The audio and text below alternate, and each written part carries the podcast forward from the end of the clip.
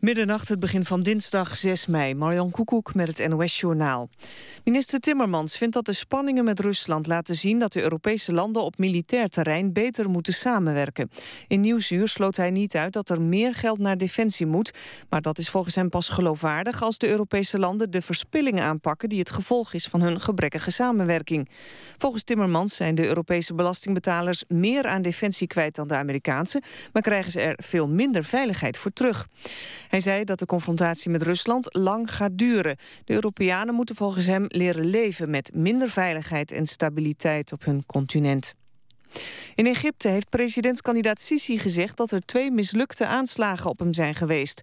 Er deden geruchten de ronde dat extremisten het op zijn leven hadden voorzien. Sisi bevestigde dat in een tv-interview.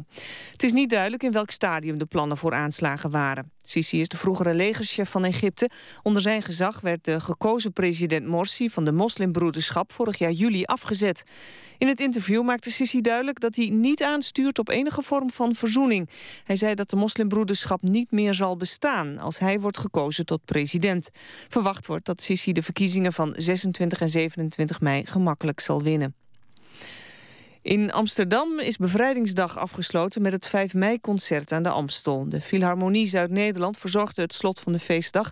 samen met onder andere Jenny Arian en Wouter Hamel. Dat gebeurde in aanwezigheid van het koningspaar... prinses Beatrix, premier Rutte... en de voormalige Ierse president Mary Robinson. Zoals gebruikelijk werd het 5 mei-concert afgesloten met We'll Meet Again... dat in de Tweede Wereldoorlog bekend werd... in de vertolking van de Britse zangeres Vera Lynn. De 68e Bevrijdingsdag werd in het hele land gevierd met muziekfestivals. Ook waren er het veteranendefilé en een diner voor duizend mensen aan het ei. Dan nog het weer. Vannacht toenemende bewolking bij minima rond 10 graden. Morgen wisselend bewolkt en in de loop van de dag buien. Maar ook af en toe zon. Maximum temperatuur 20 graden. Dit was het NOS Journaal. Radio 1. VPRO. Nooit meer slapen.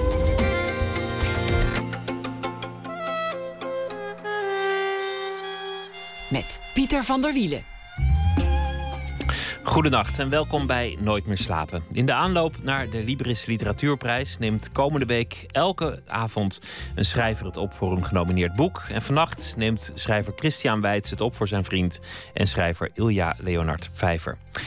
En Nick de Vries schrijft deze week elke dag een verhaal voor ons dat hij na ene zal voordragen. Maar we beginnen met een aanwinst voor de stad, Amsterdam. Een sensatie, maar ook een schandaal. Iedereen lijkt er al een mening over te hebben en de première moet nog komen. Anne, de voorstelling in het nieuwe Amsterdam Theater. De producent van deze onderneming is Robin de Levita, komend uur te gast. Na Soldaat van Oranje is dit zijn volgende gewaagde project. Hij heeft al heel veel andere dingen gedaan. Groeide op in een theaterfamilie, klom op van kabelshower tot producent en werkte heel lang ook in de Verenigde Staten. Hartelijk welkom. Dankjewel. Is dit eigenlijk een goed moment om, om een uh, producent te interviewen, kort voor de première? Denk het wel, ja. Beter dan na de première? Weet ik niet. Ligt aan, aan hoe hij zich dan voelt. Na de première, dat weet je niet. Maar is, hoe, hoe, voel je je nu? Is, is het een spannend moment? Ja, tuurlijk is het heel spannend. Want uh, je komt op het punt aan waarop de tijd opraakt. En uh, eigenlijk is het zo bij een complexe grote voorstelling ben je nooit klaar. De tijd haalt je gewoon in. En in dat stadium zitten we nu. Het moet maar gewoon zo zijn op een zeker punt. Ja, precies. En uh, nou is het natuurlijk, we spelen al een week. Dus de try-outs? Ja, try-outs. Dus we kunnen in ieder geval beoordelen hoe een publiek reageert. En daar hebben we natuurlijk heel veel aan. Er zijn natuurlijk relatief weinig uh, try-outs in dit geval. Maar uh, toch hebben we daar heel veel aan gehad. Is het een megalomaan project? Um, misschien wel. Um, omdat het groot is, groot van opzet. Uh, er is een theater gebouwd, speciaal voor deze voorstelling. En daar speelt het zolang het kan.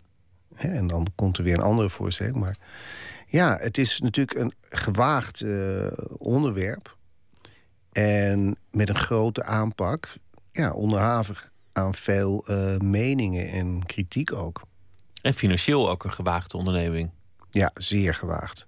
Überhaupt, um, theater is natuurlijk heel risicovol. En wij doen dit project zonder enige steun van de overheid of het bedrijfsleven. Uh, nog sterker, uh, we doen het samen met uh, Nationaal Toneel. Maar in feite subsidiëren we een klein beetje het gesubsidieerd toneel zelfs. Dus het is echt helemaal ehm, ja, particulier cultureel ondernemerschap. Hoeveel, hoeveel plekken moeten er verkocht worden? Of hoeveel avonden moet het vol zitten voordat jullie uit de rode cijfers zullen zijn? Ja, dat is een heel moeilijke vraag. Het hangt van een boel factoren af. Bijvoorbeeld hoeveel marketing uh, inspanning moeten wij doen om mensen binnen te krijgen? Hoe vol zit het? En, al dat soort zaken. Maar ik denk dat het zeker uh, twee jaar duurt voordat we uit de kosten zijn. En dan moet het. Twee jaar spelen. Twee jaar vol zitten, ja. En nu zijn er drie maanden uh, in de verkoop. Ja. Is het ook voor, voor jou persoonlijk een risicovolle onderneming. Zit jouw eigen hypotheek, spaargeld, pensioen er ook in? Voor een gedeelte wel. Ja, je krijgt zoiets niet uh, gefinancierd zonder dat je zelf ook. Ik heb, ben inmiddels vertrouwd met deze term. Skin in de game hebt. Dus ze, zullen, ze zullen nooit geld geven aan een project waar de ondernemer achter het project niet zelf ook uh, voor gaas zal gaan als het misgaat. Nee, en dat vind ik ook wel horen bij zo'n soort onderneming, zeker van deze schaal. Dus dat is ook niet erg. Want ik denk niet dat ik er ooit spijt van krijg om het geprobeerd te hebben. Kortom, een spannend moment. Om, om, de, om de sfeer eh, te krijgen, een uh, fragment dat, dat vanavond in een actualiteitenrubriek... en eigenlijk waren alle actualiteitenrubrieken op een zeker ogenblik er al mee bezig. We gaan luisteren naar hoe het vanavond klonk. Het is het verhaal dat iedereen kent, maar toch steeds opnieuw verteld moet worden. Anne is de titel van een nieuw toneelstuk... een bewerking van het dagboek van Anne Frank. En voor die gelegenheid, voor dat stuk, vereist zelfs een splinternieuw theater in Amsterdam. Cultuurbezuinigingen of niet? Amsterdam en Anne Frank uh, met elkaar verbonden door uh, een particulier initiatief. En deze ondernemers maken op deze manier de stad uh, weer groter. Het is entertainment wat mensen uit Amsterdam zal trekken, maar ook uit het hele land. En wellicht zelfs internationaal, want het dagboek van Anne Frank wordt in enorm veel landen op heel veel scholen door heel veel kinderen gelezen. Wat een ongelooflijk mooi, talentvol meisje is dit geweest. En wat een godswonder dat dit bewaard is gebleven, die papieren van haar. En ondanks alles laten we vieren dat ze geleefd heeft. Ja, alle ophef over Anne. De, de, de ophef die, die ging dan... Uh, maar ja, voordat we het over de precieze ophef laten hebben... dat kan je natuurlijk verwachten. Ik bedoel, Anne Frank is zo'n gevoelig onderwerp. Als je zo'n riskante onderneming doet... een nieuw theater en een, en een grote productie dan begeef je op glad ijs wanneer je juist van alle mogelijke onderwerpen Anne Frank kiest. Ja, dat is zo. En als je daaraan begint, ben je dan natuurlijk enorm uh, bewust. Uh, het was natuurlijk ook zo dat het Anne Frank Fonds, waar alle rechten liggen, waar het opgericht is door Otto Frank, de vader van Anne, uh, een doelstelling had. En die doelstelling was om het verhaal door te vertellen. En inmiddels is die doelstelling bijgeschaafd. Want er komt een generatie aan die natuurlijk veel minder betrokken is met de geschiedenis. Om die reden wou, wou het fonds opnieuw voor de tweede keer een toneelstuk laten maken, gebaseerd op de echte tekst. En ditmaal alle tekst. En met die opdracht zijn ze eerst naar Leon de Winter en Jessica Deurlag gegaan. En toen het was, hebben ze mij benaderd. Dus het was niet zozeer mijn initiatief of een uh, commercieel idee wat mensen denken. Nee, het was een initiatief van het fonds. En die benaderde mij weer. En dan moet je je voorstellen, zowel dat fonds als wij als producent, ik samen met Kees Amos, mijn bedrijf, we hebben samen een bedrijf, het heet Imagination. Ja, niemand dan wij zijn natuurlijk ons meer bewust van hoe hoe moeilijk en hoe gevoelig dit onderwerp is. En zoals je het noemt, glad ijs. De ophef ging dan uiteindelijk, en, en dat was dan afgelopen weekeinde uh, aan de hand over het champagne-arrangement. Over de vraag of het smaakvol is om, om naar het verhaal van Anne Frank te kijken. En onderwel die avond je inschrijven voor een champagne-arrangement met een drankje ervoor en een drankje erna. Ja, ja daar heb ik uh, natuurlijk veel over te zeggen. Het is, uh, denk ik, een enorme denkfout om alleen Anne Frank uit te kiezen als het enige onderwerp wat in theater opgevoerd kan worden onder speciale omstandigheden. Vanaf het bestaan van theater worden hele grote, ingewikkelde, dramatische onderwerpen aan de orde gesteld. Dit is er één van. Theater is een plek waar je mensen naartoe wil trekken, waar je mensen wil amuseren, waar je discussie op gang wil brengen. dat is dit theater ook. Het zou discriminerend zijn naar Anne Frank om als enige daar niet de faciliteiten aan te verbinden die je eigenlijk nodig hebt om een publiek te, uh, aan te trekken. Je kunt eigenlijk geen theater maken zonder champagne-arrangement. Dat is niet helemaal waar, maar waar trek je dan de grens? Geen slagroom op de appeltaart? Ik denk dat het een hele hypocriete discussie is. Mensen moeten de voorstelling beoordelen. Het gaat om de integriteit van de voorstelling. Het gaat om de beleving van de voorstelling. Er is notabene heel theater verrezen ter ere van. En meteen staat er... En dat is natuurlijk... We moeten heel voorzichtig zijn, hè? Want het is mhm. één iemands opinie. En de journalist in Nieuwsuur heeft... iemand, iemand die de uh, Bergen Belsen heeft overleefd... geconfronteerd met puur en alleen de menukaart. Ja, dan krijg je dit soort uitspraken. Dus ik denk niet dat... Het, dat, was ook, dat leek ook wel een beetje op sensatie belust, moet ik zeggen. Ja, dat vindt ook iedereen. Om zo'n item te maken. En inmiddels is die hele opinie ook volledig omgedraaid. Uh, ja, ik denk gewoon dat het ja, daar zit dan een agenda achter. En dat vind ik fout aan de discussie. Laat mensen eerst naar theater komen. En als het niet in tegen is, dan, ja, dan zijn we gevoelig voor heel veel kritiek. En dat, dat, weten we. Het is natuurlijk ook, eh, ook een, in die zin een gekke discussie. Want waarom zou je niet tranen met tuiten kunnen houden, huilen en intussen champagne drinken? waarom moet het een het ander uitsluiten? Of misschien lees je thuis het boek en drink je onder wel, wel een, een, een goed glas meedoc. Waar, waar, waar stopt het? Geen, uh, geen popcorn bij Schindler's List. Uh, notabene, in het Anne Frankhuis kan je appeltaart eten. Er wordt zelfs geadverteerd met heerlijke appeltaart. Volkomen terecht, maar dat lijkt me nog een eerder een gevoeliger onderwerp... op de plaats waar het zich heeft afgespeeld, dan dit. Ik denk dat, je, dat het niet bij theater hoort om de menukaart te bespreken. Laten we het dan over het, uh, het stuk zelf hebben. Ik ben vrijdag gaan kijken naar de, de try-out. Ja. De, de eerste schok, en ik, ik zal niet, niet heel veel vertellen over de voorstelling, eh, want dan, dan nou ja, als mensen erheen gaan, dan, dan, dan verprut je het op die manier. Maar het begint met een nog levende Anne Frank, enige jaren na de oorlog. Dat, dat, dat is al meteen een, een vrij vrije interpretatie van, van het verhaal. Waren jullie daarin bang dat dat gevoelig zou liggen? Nee, hebben we inmiddels ook getest. We doen onderzoek bij elke bezoeker uh, naar uh, of men het integer ervaart. En dan kan je kiezen tussen slecht, matig, goed en geweldig. En er is nog nooit een matig geweest of slecht. Dus de integriteit voelen we is bij het publiek wel gewaarborgd inmiddels. En dat is een enorme opluchting. Maar het is theater. En uh, theater leent zich ook om, om dingen van andere invalshoeken te bekijken. Dat gezegd hebbende, als je de hele voorstelling ziet, is juist denk ik waar, waar de schrijvers en waar de Boermans, de regisseur en alle makers in geslaagd zijn, is dat je een echt een heel duidelijk beeld hebt van hoe zij heeft geleefd. Zowel hoe ze op is, uh, is gegroeid, als hoe dat was in dat achterhuis en hoe al die karakters waren en wat er precies gebeurde. Ik denk dat dat eigenlijk een van de, van de grote.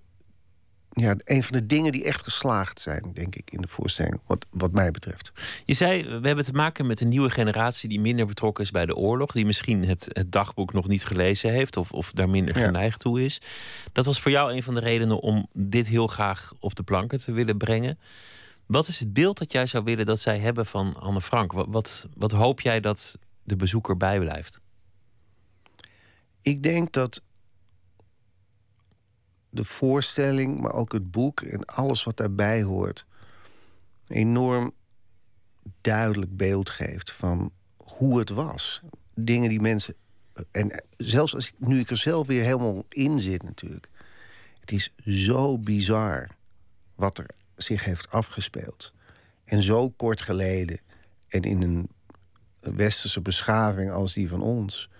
Dat is zo schrijnend om te zien wat er met een volledig onschuldige familie... en een onschuldig meisje gebeurt. En hoe iedereen op verschillende manieren met dat gegeven omgaat. En ondertussen is zij heel uh, invoelbaar. Want ze is gewoon een, een heel leuk meisje wat opgroeit. En toevallig ook nog een groot talent heeft. Dat is eigenlijk een, een, aspect wat, wat nog wel eens onderbelicht blijft aan het dagboek van Anne Frank. Dat ze ook echt goed kon schrijven, goed kon kijken en een enorm gevoel voor analyse had van wat er zich allemaal voltrok in dat achterhuis. Het is niet alleen maar de omstandigheid die het boek bijzonder maakt. Precies. Mensen hebben, denk, en had ik ook nog een beetje, het gevoel dat het, het bijzondere aan het boek is eigenlijk het feit dat het is opgeschreven. Maar wat echt heel bijzonder is, is hoe het is opgeschreven. Hoe precies en hoe, hoe beeldend. En die tekst, al die tekst, is, is nu uh, ja, ter beschikking gesteld om daar theater van te maken. En dus dat geeft een heleboel uh, aanknopingspunten om, om het heel, van allerlei kanten te, te kunnen bekijken.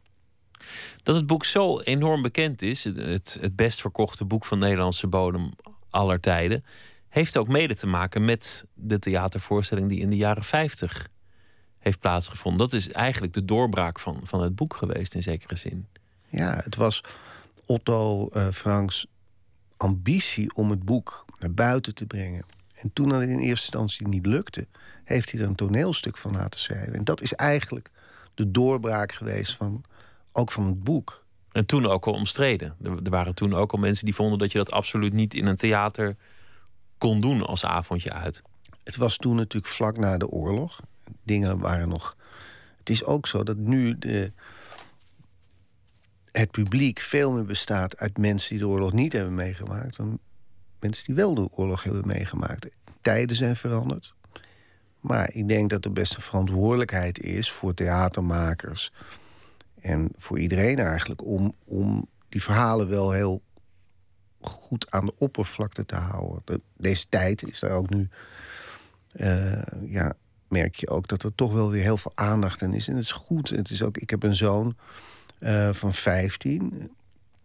En ik merk gewoon dat hij leert wel op school, maar de betrokkenheid met hoe dat was, wat ik wel heb, omdat ik opgegroeid ben met al die verhalen direct uit mijn familie, die wordt natuurlijk steeds minder. En uh, daarvoor zijn dit soort initiatieven denk ik heel goed. We gaan luisteren naar uh, muziek die uh, niks met het thema te maken heeft. Ray LaMontagne heeft een nieuw album uit. En het nummer dat wij draaien heet Airwaves.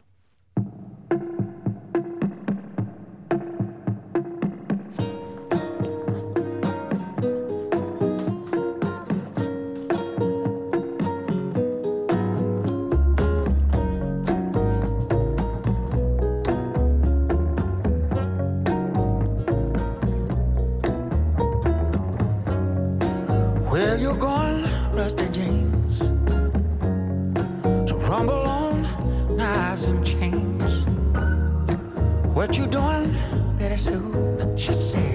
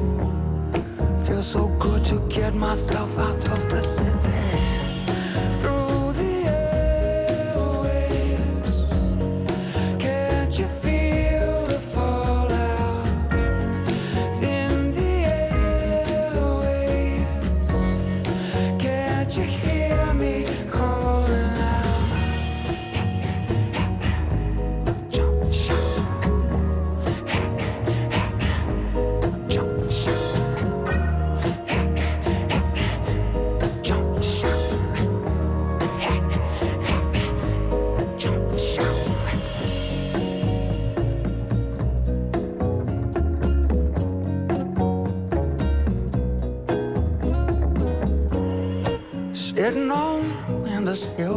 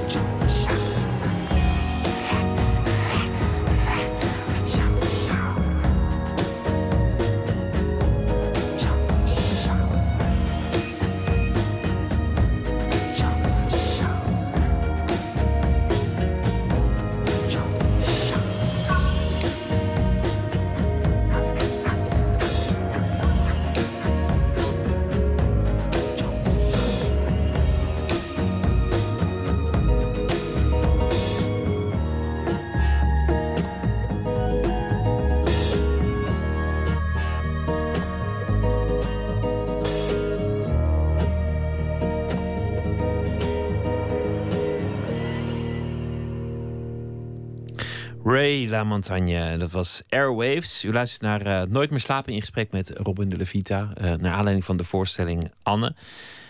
Al heel erg veel voorstellingen eh, gedaan in het theater. Ook al heel veel premières meegemaakt. Wat, wat is eigenlijk het moment dat de spanning van je afvalt? Dat is het probleem van theater. Dat is eigenlijk nooit.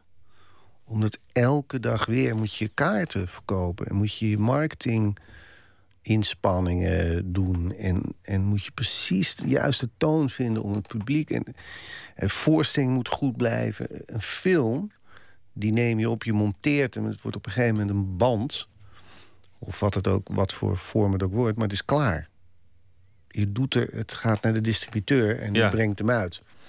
Hier, ik zeg wel eens, weet je, wij sterven een, een hele langzame dood, soms een snelle, maar meestal een hele langzame. Hoe lang kan je dat volhouden? Hoe lang kan je voorstelling in leven en fris en interessant houden? Dat is best moeilijk. En er kan ook zoveel mislukken. Dat geldt voor een film trouwens ook. Maar er zijn zoveel mensen die het voor je kunnen verprutsen. Ja, inclusief jezelf. Inclusief jezelf natuurlijk. Wat ik ja. wel heb geleerd is dat iedereen die echt denkt dat hij het weet, of dat het succes door hemzelf komt, eh, begrijpt er helemaal niets van. Want het interessante van theater is juist dat je hebt zo ontzettend veel mensen nodig die door dezelfde deur gaan. En daarom omschrijf ik het, de sleutel voor succes altijd met één woord, namelijk geluk. Want je kan het nog zo goed op papier uitstippelen allemaal. Maar als je regisseur op de eerste repetitie daar gek wordt... en dat gebeurt vaak... en gewoon niet meer aanspreekbaar is... ja, dan houdt het op. En het kan gaan van de Van dat je de verkeerde castingbeslissing hebt genomen. Dat je de verkeerde poster hebt ontworpen. Al, er zijn zoveel elementen. Alles kan misgaan. Die mis kunnen gaan. Dat uh, het is eigenlijk een, een, een één grote ja, damage control vanaf de eerste moment dat je eraan begint. Maar geluk, dat, dat klinkt ook een beetje uh, inshallah van, van ik, ik kan er eigenlijk niks aan doen. Nee, je kan er heel veel aan doen. En dan moet je geluk hebben. Ook nog eens. Ook nog eens. Alles moet goed zijn, plus geluk. Echt waar. Echt waar. Daar ben ik van overtuigd. Zonder geluk kom je er niet. Met Soldaat van Oranje hadden we ook heel veel geluk. De koningin kwam op de première. De Dakota crashte. Opeens vond iedereen het mooi. We hadden juichende recensies. En uh, iedereen accepteerde dat het ronddraaiende theater... als een nieuwe theaterontdekking. Allemaal dingen die je van tevoren niet weet. Had ook helemaal de andere kant op kunnen gaan. De Dakota crashte, wat was het ook alweer? Ja, een Dakota. En die werd van een museum vervoerd naar het theater... midden in de nacht op grote diepladers. Oh, die kwam vast te zitten tussen twee viaducten. op een brug om één uur s'nachts. En toen, ja. toen was alle nieuwsitems daarover... hebben ons natuurlijk erg geholpen ook. Dus pech kan een geluk zijn eigenlijk? Pech kan een geluk zijn. Ja, je hebt dat, dat soort geluk heb je ook nodig. En daarnaast moet, het allemaal, moet je een hele goede voorstelling maken. Anders is het sowieso kansloos. Je hebt veel gewerkt uh, in de Verenigde Staten. Ook uh, Broadway. Is dat eigenlijk het hoogst haalbare in de theaterwereld als je op Broadway staat? Ik weet het niet. Um, West End, Londen en Broadway worden gezien als het hoogste niveau. En dat is natuurlijk ook zo, omdat je daar het meest serieus wordt beoordeeld. Hier ook wel, alleen de New York Times is dan de absolute standaard van beoordeling. En die zijn rigoureus. Die beoordelen je als een artvorm en niet als amusementswaarde of wat dan ook. Je wordt gewoon kwalitatief tegen het licht gehouden. En dat is aan de ene kant heel goed, maar dat kan ook heel pijnlijk zijn. En ze zeggen de waarheid. Ik bedoel, zonder aanzien des persoons zijn ze, zijn ze bereid om iets door de mangel te halen of op het zadel te hijsen. Ja, maar de waarheid is natuurlijk een interpretatie. Want je kan twee verschillende mensen naar een voorstelling sturen. En de een kan het helemaal geweldig vinden, de ander helemaal niet. Zo zie je ook vaak recensies waar de een het fantastisch vindt, de ander helemaal niet. Dus het is natuurlijk geen exact meetbaar iets. Maar is de, is de New York Times bij uitstek zo belangrijk voor Broadway dat dat, dat meer uitmaakt dan, dan al het andere bij elkaar? Maken die hem of breken die een voorstelling? Ik denk dat je, ik kan het niet precies zo uitdrukken, maar ik denk dat alles bij elkaar net zo zwaar weegt als de New York Times. Dus als alles positief is en de New York Times niet, dan kan je het redden. Maar je hebt wel een zware wedstrijd. Je hebt natuurlijk ook nog andere uh, meetpunten. Je hebt natuurlijk je kan er opeens een ster in zetten. Of je kan opeens een hele grote campagne beginnen. Of je kan uh, Tony Awards winnen. Of, er zijn natuurlijk nog wel... Het is niet zo dat je meteen sterft na die recensie. Maar je krijgt het wel heel zwaar. In Nederland kun je, kun je toch nog, ja, het is niet, niet, misschien niet heel tof om te zeggen, maar kun je nog wel helpen. De pers in Nederland, ik bedoel, ja, die schrijver kent die recensent en dat, dat, helpt, dat helpt toch wel weer een balletje ik zie ook wel eens bij persvoorstellingen recensenten halverwege weglopen en het toch mooi netjes beoordelen de volgende dag. Dat, dat soort dingen. Is dat, is dat in Amerika niet het geval? Is daar dan ook echt niet, niet mee te onderhandelen, niet mee te hosselen? Nee, absoluut niet. Nee? Eh, ik bedoel, uh, een recensent is volledig onbenaderbaar. En hier heb je recenten die schrijven boeken en dingen en doen andere dingen. En staan op vrijdagavond in de balie en een beetje schrijver of, of theatermaker. Daar is het gewoon, uh, zijn er twee werelden gewoon. Dit, dit is taal onbeïnvloedbaar. Hoe gaat het dan als je die, die première hebt en je weet dat die, dat die gevreesde recensent daar was? Ga je dan, eh, ren je dan de volgende ochtend naar de kiosk om die krant te halen? Nee, het is veel erger nog. Het gekke is, je krijgt de recensie van de New York Times op je premièrefeest. Dat komt omdat recensenten komen drie dagen van tevoren. Dus er zijn twee of drie dagen waarop recensenten kunnen komen. In New York Times. Dus eigenlijk een try-out, in, in zekere zin. In de laatste week van je try-out er is een moment waarop je de show bevriest, meestal drie dagen voor de première. En dan komen ze. Ze komen niet op de première zelf. Dus je hebt je première en je feest en alles en iedereen blij. Iedereen uitgeput. En, En dan die nou, nekslag. En dan, dan ga je meestal rond half elf... tippel je naar de overkant, naar, een, eh, naar je eh press agent. En die heeft dan alle recensies. Die liggen helemaal klaar. Alle tv-recensies en alles. En dan word je gewoon regelmatig, in mijn geval, systematisch afgeslacht door de media. En dan krijg je gewoon boem op je bord. En het gekke is, op het moment dat je terugkomt op het feest, rent iedereen weg. Want niemand kan meer een dialoog hebben met, el- met elkaar. Want wat kan je anders zeggen dan van... eh, wat, wat gaan we nu doen? Of, Het, het feest oh is ook gewoon het voorbij. is in één keer weg. Niet, niet met z'n allen nog even de champagne buiten maken of, of, of nou nee, ja, het, dan is maar. he- het is heel schrijnend. Het is, het is best een hele harde, harde realiteit. Het is natuurlijk ook zo, met een, met, zoals nu met Anne de voorstelling geldt, geldt voor een Broadway-show ook, dat je, dat je een zekere mate van succes en duur moet hebben waar, waarin de voorstelling speelt voor, om financieel eruit te zijn. Ja, dat is nog zo ver weg van, voor ons. Rec- recensies zijn voor ons heel belangrijk. Denk ik. Weet ik niet. Denk het Mhm. wel. En ehm, dus ja, daar, daar zijn we best zenuwachtig over. Hoe worden we nu beoordeeld? Want Maar jij, hoe lang moet een Broadway-voorstelling lopen voordat je financieel eruit tussen bent? één en twee jaar. Dat is echt flink. Ja. En je weet eigenlijk als de New York Times het heeft afgesnauwd dat dat moeilijk wordt. Ja, tenzij je alle Tony Awards wint. Dan, dan- eh, ik had een musical toen nog voor eh, eh, Dodger Animal Theatricals. Een partnership van, eh, van die twee bedrijven. Heette Titanic. Überhaupt al een, een bizar onderwerp natuurlijk om, om champagne bij te drinken bijvoorbeeld. En, ja, eh, nee, dat mag natuurlijk ook niet, een champagne-arrangement bij Nee, de nee, daar heeft Titanic. nooit, Nee. toen nooit iemand over geklaagd. Maar ehm, nou, dat werd behoorlijk afgeslacht. Maar toen wonnen we vijf Tony Awards. En toen hebben we toch een jaar vol gezeten. Dus het is niet doorslaggevend, maar het wordt wel zwaar. Het zou trouwens ook mooi zijn om, om een heel erg grote flop te hebben met de titel Titanic. Dat, dat zou een soort ironie hebben. Dat heeft het zeker. En er zijn ook legendarische eh, grappen natuurlijk over die periode. Want het gekke is ook nog dat Titanic synoniem staat voor een voorstelling die het niet gaat redden.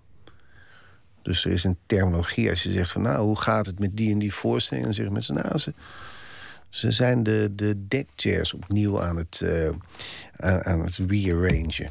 En dat betekent, ze zijn dus werken heel hard, maar het ding gaat, absoluut ten onder. Het orkestje speelt nog. Ja. Ja, precies. Dus nee, ik kreeg er wel behoorlijk van langs. Met, eh, het is toch nog wel ongeveer goed afgelopen. Het is geen ramp geworden.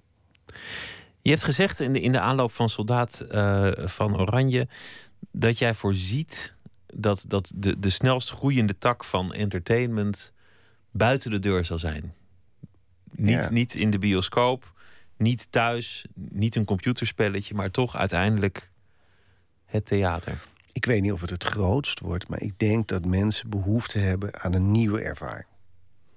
En ik denk dat daar een uitdaging ligt. En zeker in het theater. Je ziet eigenlijk aantal nieuwe vormen daarin. Een daarvan is immersive theater, waar het publiek onderdeel wordt van een locatie en dus ook meeloopt met acteurs en dat soort dingen. En het soort dingen dan, zoals het, scene around, het draaiende theater, is dan ook weer een vorm waar, je in, waar, waar, waar ik dan heel veel interesse voor krijg vanuit het buitenland. Dus mensen zijn denk ik wel op zoek naar een nieuwe vorm van, van uitgaan. En dat, je ziet bijvoorbeeld eh, dat in de. Ja, dat, dat de hele dancecultuur eh, opeens in de afgelopen tien jaar enorm is eh, geëxplodeerd. En de echte ervaring ergens naartoe gaan waar iets gebeurt. Ja. Dat je kunt zeggen dat je er geweest bent. Ik denk dat mensen. Hoeveel media kan je tot je nemen via een beeldscherm? Denk ik, is. is ik denk dat het goed is dat er andere vormen zijn die mensen uit hun stoel krijgen. Je kunt niet maken of een voorstelling slaagt of niet uiteindelijk. Daar moet je geluk voor hebben. Kun, kun je wel zeggen waar een goede voorstelling of een geslaagde theateravond aan moet voldoen? Ja, maar dat ligt eraan wat voor voorstelling het is. Er gelden andere normen voor ander soort voorstelling. Voor Anne is integriteit nummer één. Twee is een gelaagde ervaring, denk ik. Waarbij je allerlei emoties ervaart. Niet alleen droefheid, maar ja, een soort. Ja, in feite denk ik dat deze voorstelling heel erg overeenkomt met een soort filmische ervaring waar je echt middenin zit. Dat is waar we naar, naar, streven in ieder geval. Ehm, bij een andere voorstelling, eh, waar het puur om het amusement gaat, zal humor bijvoorbeeld een heel belangrijk vereiste zijn. Nou, ik heb toen ik jong was, bij Joop van Ende begon te werken, een aantal André van Duin revues gemaakt en geleerd hoe ongelooflijk moeilijk het is om humor werkend te krijgen in een theater. En dan, en dan ben je nog met André van Duin, die echt geniaal is op een, op een toneel. Ook daarbuiten is hij ontzettend geestig overigens. Echt nog geestiger mogelijkerwijs. Maar om scènes en situaties te creëren die werkend te krijgen, dat, dat is heel, heel moeilijk. Dus er zijn andere, denk ik. Andere criteria voor andere voorstellingen. Voor ander soort ja, voor wat het is. Maar uiteindelijk gaat het wel om de, om de emotie van de bezoekers. Dus, dus de gevoelens die hij ondergaat. Ik denk dat, dat theater eh, en emotie hand in hand gaan. Dat vind ik ook het mooie eraan. Dat als mensen echt bewogen zijn of echt uh, uh, daarna er lang over praten. En ik denk er ook heel veel ruimte nog is. Hè. Ik, ik, ik, heb, ik, leg, ik zeg wel eens dat er zijn je kent vast een, een paar films waarvan nadat je het zag, je iemand bent gaan bellen of je bent opeens gaan roken. Of hè, dat het echt veel met je deed. En, of gestopt met roken, dat is geloof ik ook een keer gebeurd met een film. ik dacht, ik kap er mee, maar oké. Maar iets wat echt een, eh, meteen een enorme reactie teweeg brengt. Uh, ik denk dat theater zich daar nog beter voor leent. Dat je uit het theater loopt en, en iemand belt of in discussie gaat of uh, er meer over wil weten. Stel je dan ook als producent te kijken bij de uitgang hoe, hoe de mensen naar buiten komen? Of ze inderdaad elkaar aanporen of, of dat mobieltje pakken of, of op zoek gaan naar sigaretten? Ja, eigenlijk wel. Maar we, hebben, we, meten het echt. We, Jullie doen enquêtes ook We echt, doen enquêtes om, omdat we het willen, willen het echt weten. Want je, je kan maar naast langs de verkeerde persoon lopen en helemaal een verkeerde indruk krijgen van hoe, hoe de voorstelling werkt. Dus het is wel goed om het echt te meten, maar ja, dat vinden we heel belangrijk. Hoe, hoe mensen iets ervaren. Tuurlijk, daar moeten we het van hebben. Want als mensen het niet doorvertellen, kunnen we nog mooie of slechte recensies krijgen. Gaat, niet, gaat, ons, niet, uh, gaat ons niet helpen. Wat gaat er verder met, met de voorstelling Ander gebeuren? Eigenlijk is er ook nog een plan om het een internationale versie te maken? Of loop ik nu echt te ver op alles vooruit? Hmm, weet ik niet. deze vraag zou beter zijn een, een week verder. Dit is, echt een, dit is echt typisch een over een week vraag. Ja, geen idee. Misschien roept iedereen ja. Interesting. Of, of mensen vallen over elkaar om het te doen? Ik heb geen idee. Ik heb wel een beetje een idee, maar je weet het nooit. We gaan luisteren naar uh, Kaylee, Friday Fish Fry van haar nieuwe album.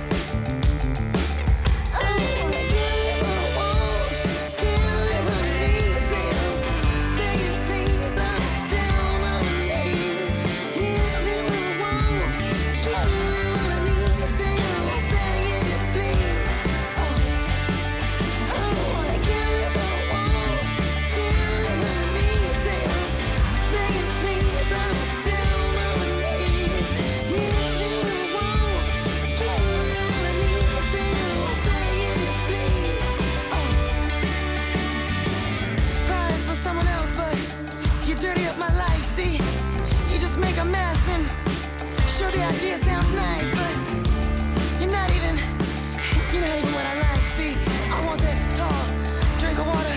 I notice in the corner.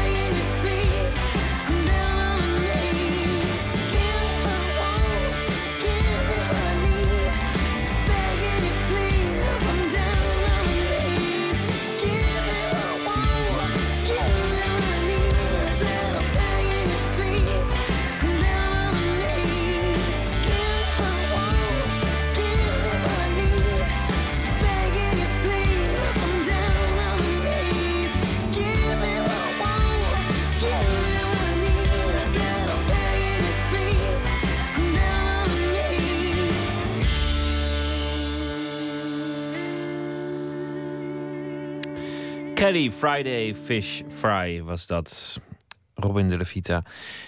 Ik zei, eh, hij is opgeklommen van kabelshower tot, eh, tot producent. Ik geloof dat het ook gewoon letterlijk waar is. Hè? Je bent kabelshower geweest ooit. Nou, het eerste wat ik gedaan heb was een was, ehm, ik was runner.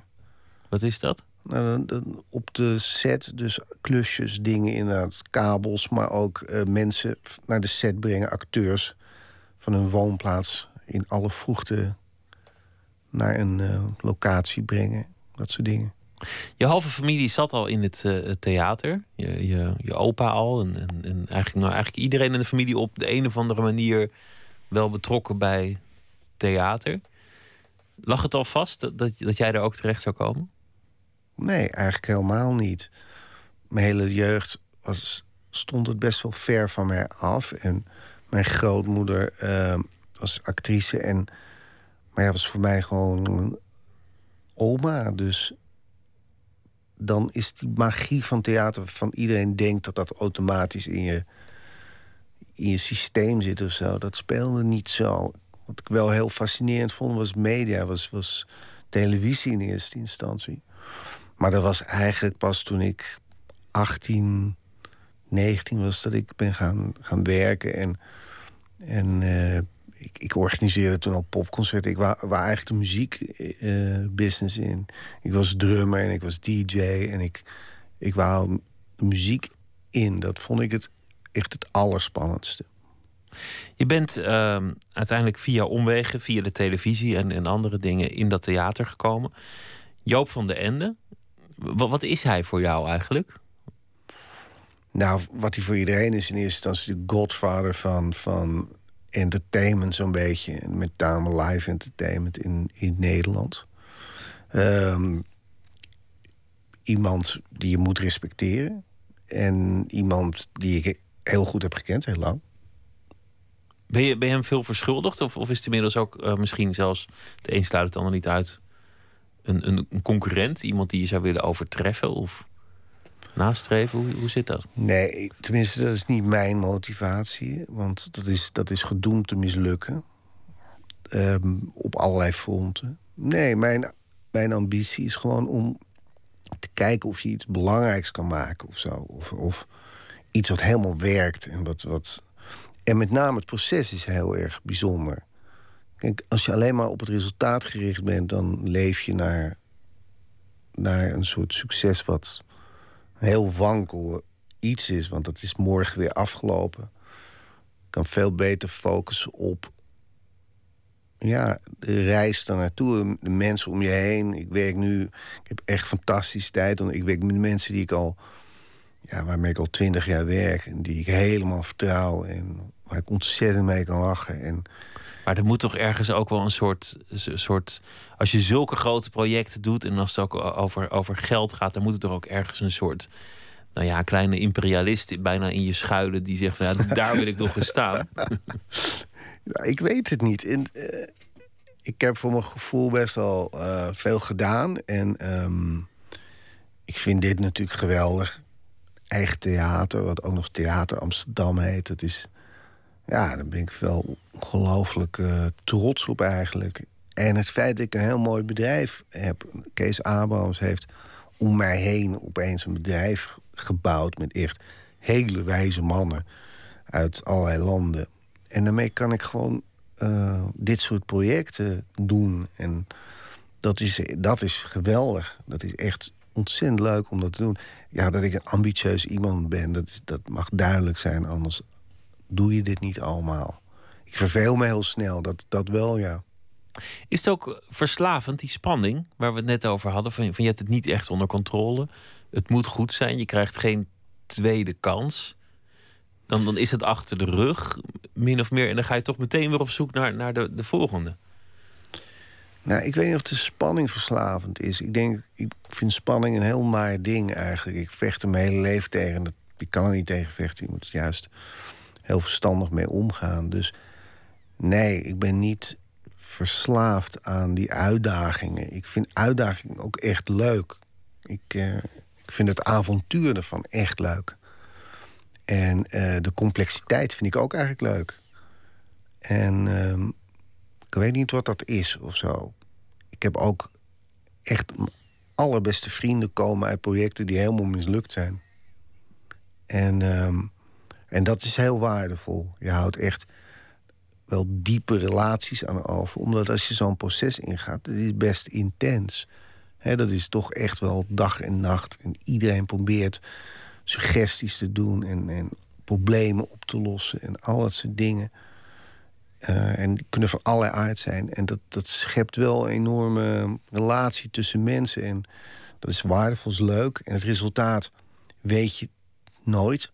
Het zou heel, heel fijn zijn als dit lukt. Maar ik ben er ook wel op voorbereid dat het een keer niet lukt. Want ik weet uit ervaring dat dat kan gebeuren. Je, je hebt het wel eens meegemaakt dat iets is uh, mislukt. Ook heel vaak dat het, dat het wel is gelukt. Meer dat het mislukt is dan gelukt. Ben je een goede verliezer? Ja. Ja, dat weet ik zeker. Hoe kan dat? dat je, hoe, hoe kun je heel ambitieus zijn en, en de lat enorm hoog leggen en toch een goede verliezer zijn? Ik denk dat je, als je het vaak meemaakt, dat je automatisch er beter in wordt. Want je leert er je kunt niet anders. Je kan niet anders. Dus je, leer, je vindt een manier om ermee om te gaan. Als het de eerste keer is, is dat, is dat niet makkelijk. Um, is het leuk? Nee, natuurlijk is het niet leuk als iets mislukt. Het is heel pijnlijk. Het is vooral heel pijnlijk omdat je eigenlijk een soort... Weet je, een productie is een bedrijfje. Of een bedrijf. We werken aan dat soort grote producties meer dan 100 man aan elke dag die wil je niet, uh, daar wil je niet slecht nieuws brengen. Dus het is best wel. Ik wil, wil vooral niet de indruk wekken dat ik er laconiek over doe. Maar het is wel zo dat ik weet gewoon, het kan gewoon misgaan. Het is enorm risicovol. En je bent afhankelijk van allerlei omstandigheden die je maar gedeeltelijk of helemaal niet kan beïnvloeden. Dus je moet je wapenen tegen dingen die misgaan. En dan kan je alleen terugkijken op hoe was het proces hoe ver vind ik zelf dat ik ben gekomen en de mensen om me heen. En dan maar naar het volgende. Hoe ga je de, de première donderdag meemaken en wat ga je na afloop doen? Heb je, heb je daar een vast ritueel voor? Nee, eigenlijk niet. Uh, het, ik probeer wel s ochtends even te rennen. Om een soort, ja, weet je, in een bepaald soort goed gevoel te komen. Ja, en vanaf dat moment is het gewoon een, een gekke huis. Dus je probeert niet verstand op nul en gewoon maar kijken wat schip strandt. Vooral proberen eh, iedereen eh, te relativeren om je heen. En niet iedereen, dat niet iedereen gek wordt of anders gaat. Andere dingen gaat doen dan de bedoeling. En verder, ja, probeer er een goede tijd van te maken. Probeer een beetje te genieten van het feit dat er veel vrienden en veel mensen die je respecteert naar je theater komen, naar je voorstelling komen kijken. En dat het, er- dat het er is. Dat, dat het hele theater is gebouwd. Dat die, die enorme productie daar staat. Dat, Ja. het, dat het toch maar gewoon van de grond is gekomen. Ja, boel mensen herinneren je daar steeds aan. Op een of andere manier kan ik dat nog niet. Ik kan er nog niet. ehm, ja, vrolijk van worden nog. Het, het is nog. Het echte examen moet nog komen. Dus, dus ik ben. eh, ja, ik ben voorzichtig met, met de juichstemming eh, te voelen. En als het succes er is en, en de voorstelling loopt heel lang, dan, dan komt toch ook weer de verveling. Dat, dat is je andere natuurlijke vijand. Ja, ik weet niet wat dat is, maar ik kan je wel zeggen, ik kan wel heel erg genieten als iets lukt. Echt heel erg van genieten. Van Soldaat van Oranje heb ik jarenlang elke dag van genoten gewoon. dat dat er is en dat dat zo goed is gegaan. En hoe leuk het is om daar te komen en iedereen eh, te zien. En zien hoe dat functioneert. Het is, echt geweldig. Ik wens je heel veel eh, succes met eh, de première donderdag, Robin de Vita. Dank je wel. Leuk dat je te gast wilde zijn. En succes met eh, Anne de voorstelling eh, te zien vanaf eh, donderdag en dan nog weken en maanden lang. Volgende week dinsdag wordt de Libris Literatuurprijs uitgereikt. In dit programma, die avond, een gesprek met de winnaar, live vanuit het Amstelhotel. In aanloop naar de uitreiking, elke avond een ambassadeur aan het woord van een genomineerd boek. Vanavond schrijver Christian Weitz. Hij neemt het op voor Gelukkige Slaven van Tom Lanois. Dan moet ik het een beetje op zijn Tom Lanois voorlezen. Ehm, Tony raasde als een speer door de Afrikaanse nacht. De wind sloeg door het raampje naar binnen. Zijn handen omklemden het stuur. De kwaito bonkte op zweep. In zijn hoofd vinkte hij lijstjes af. Bebloede kleren straks achterlaten. Misschien zelfs in brand steken, ergens langs de weg. Daarna kan hij meteen iets gangbaarders uit zijn reiskoffer tevoorschijn halen... dan deze plunje van mislukte ontdekkingsreiziger. Geweer, demonteren. Maar niet deeltje na deeltje weggooien zoals eerst van plan was geweest. In Mozambique viel er vast een mooie cent mee te verdienen. Zwarte markten vind je overal. Zeker in landen waar de littekens van een burgeroorlog nog voelbaar zijn. Kun je in een paar zinnen beschrijven waar het over gaat? Nou, het grappige, het gaat. eh, de hoofdpersoon in dit boek is. Die heeft dezelfde naam als een boek dat Tom Lanois 25 jaar geleden schreef. Zijn eerste boek, Alles moet weg.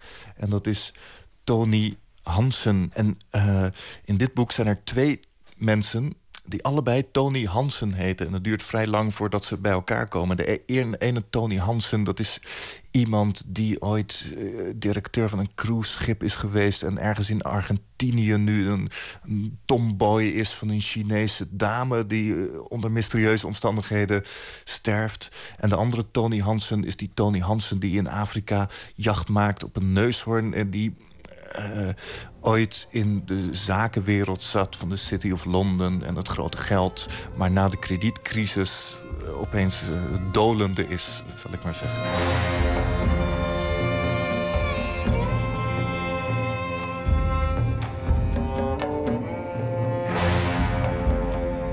Tom Lanois doet hier dingen die ik zelf ook wel beter zou willen kunnen. Dus ik kijk er ook een beetje jaloers naar. Want wat hij namelijk kan, is en een spannende plot maken... en eh, de, de, de, de, de maatschappij van nu doorlichten, bekritiseren, essayeren... daar iets zinnigs over zeggen... en spannende, snelle scènes maken in ontzettend goede taal. En het gaat om de integratie van al die dingen. Je hebt mensen die kunnen mooie plot maken. Je hebt mensen die, die zijn stilistisch heel erg sterk. Die kunnen de mooie schrijverij, wordt het dan altijd genoemd.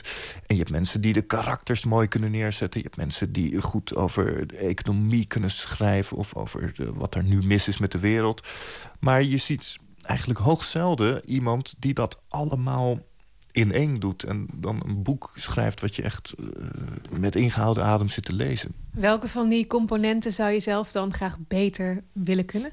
Ik denk met name het, het bouwen van een mooie plot. Dat, daar ben ik nu zelf ook wel een beetje mee bezig. Van hoe zou ik dat nou, eh, hoe zou ik dat nou kunnen doen? Dat, eh, ik, heb, ik spreek wel eens collega's die zich een beetje minachtend over plot uit laten. Die zeggen dan, ach ja, dat is het verhaaltje. Hè, oh, plot is het makkelijkste wat er is. Maar dat is niet zo. Want om het echt een goed plot te maken... waar je op verkeerde been wordt gezet en dat toch weer anders is... dat, is toch, eh, dat vereist heel veel ambacht. En, en, dus ik lees zo'n boek als, als Gelukkige Slaven... lees ik ook een beetje om af te kijken van hoe doet hij het? Wat kan ik daarvan leren? Is het een, uh, is het een kanshebber? Gaat hij winnen, denk je? Dat is altijd lastig, want bij zo'n prijs als de Libris... bij al die grote literatuurprijzen... ben je ook overgeleverd aan hele grillige mechanismen... waar je, uh, waar je als eenvoudige sterveling geen enkele invloed aan hebt. En je weet nooit wat zo'n jury bedisselt tijdens zo'n lunch... en hoe dat precies gaat, wat er uitgewisseld wordt. Maar zeker, ik denk dat, dat, dat hij een van de grote kanshebbers uit deze, van dit jaar is. Absoluut. Je bent zelf ook uh, meerdere malen genomineerd geweest. Hoe gaat het er dan achter de schermen aan toe? Wordt er veel uh, geroddeld? Is het haat en nijd?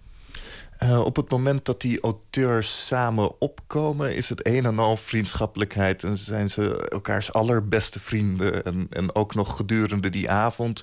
komt iedereen, ben ik altijd braaf, de winnaar gaan feliciteren. Dus dat, uh, dan zou je bijna denken dat de literatuur... een grote vriendelijke bende is. Maar daarvoor en daarna dan is het alleen maar roddel en achterklap... van ja, die heeft natuurlijk die prijs gekregen... omdat die in de jury zat. En ja, logisch dat hij het niet kreeg want hij heeft een keer iets onaangenaams geschreven over haar. En uh, die is een keer met die naar bed geweest. Dus, dat, uh, dus die krijgt die prijs zeker niet meer. Ik zou er wel voor zijn om die, die, ik heb wel eens de roddel gehoord dat de laatste ACO beslist was door een muntje op te werpen. Ik vind het eigenlijk helemaal niet slecht. Misschien moeten ze op televisie gewoon live als die genomineerden bij elkaar zijn, zijn er dan zes.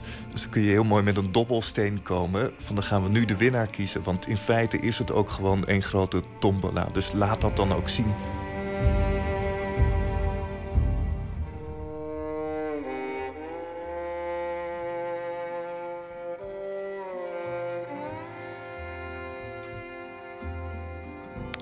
Schrijver, columnist Christian Weitz nam het op voor Gelukkige Slaven van Tom Lanois, genomineerd voor de Libris Literatuurprijs.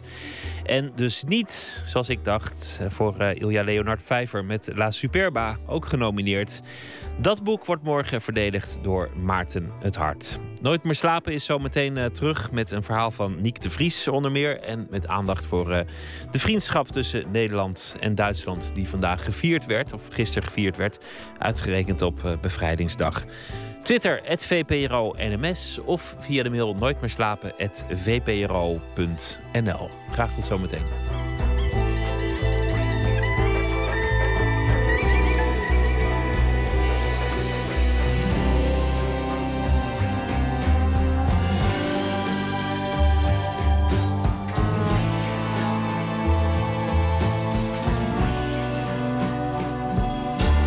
Op Radio 1, het nieuws van alle kanten.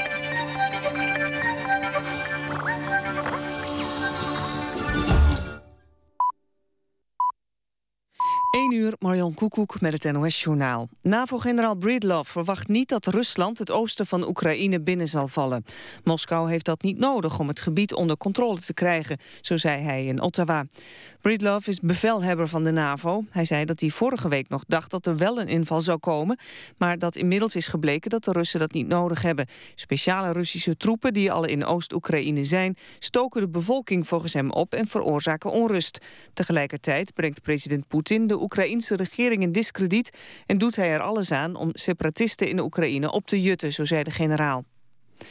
Minister Timmermans vindt dat de spanningen met Rusland laten zien dat de Europese landen op militair terrein beter moeten samenwerken. In Nieuwsuur sloot hij niet uit dat er meer geld naar defensie moet, maar dat is volgens hem pas geloofwaardig als de Europese landen de verspillingen aanpakken, die het gevolg is van hun gebrekkige samenwerking. Volgens Timmermans betalen Europeanen meer voor hun defensie dan de Amerikanen, terwijl ze er minder voor terugkrijgen. In Congo heeft een rechter twee soldaten levenslang opgelegd... voor hun rol in een massaverkrachting uit 2012. In totaal stonden 39 soldaten terecht... voor de verkrachting van bijna 100 vrouwen en 33 meisjes... in het oosten van Congo. Ook anderen kregen lange straffen, maar dat was omdat ze hadden geweigerd een kamp te verlaten. In Oost-Congo worden mensen verkracht om de bevolking te intimideren en te vernederen. Het proces begon eind vorig jaar na grote druk uit het buitenland. Politieke partijen in Zeeland moeten nieuwe verkiezingsposters maken... omdat de oude van de borden zijn gevallen. Volgens Omroep Zeeland zijn er metalen verkiezingsborden geplaatst... en daarop blijven de posters met behanglijm niet plakken. Op houten borden was dat nooit een probleem. De posters zijn voor de Europese verkiezingen van 22 mei. De partijen moeten nu posters maken met lijm die wel plakt op metaal. Dan nog het weer. Vannacht toenemende bewolking met minima rond 10 graden. Morgen wisselend bewolkt en in de loop van de dag buien. Maar ook af en toe zon. Het wordt maximaal 20 graden. Tot zover het NOS Journaal. Dan is er nog verkeersinformatie. Twee afsluitingen. De A37 Duitse grens richting Hogeveen. Tussen Klazinaveen en Afrit Schonebeek is de weg dicht... want er staat een auto in brand. En de A59 Zonzeel richting Os. Bij Rosmalen is de afrit dicht. Tot zover. Radio 1. VPRO. Nooit meer slapen.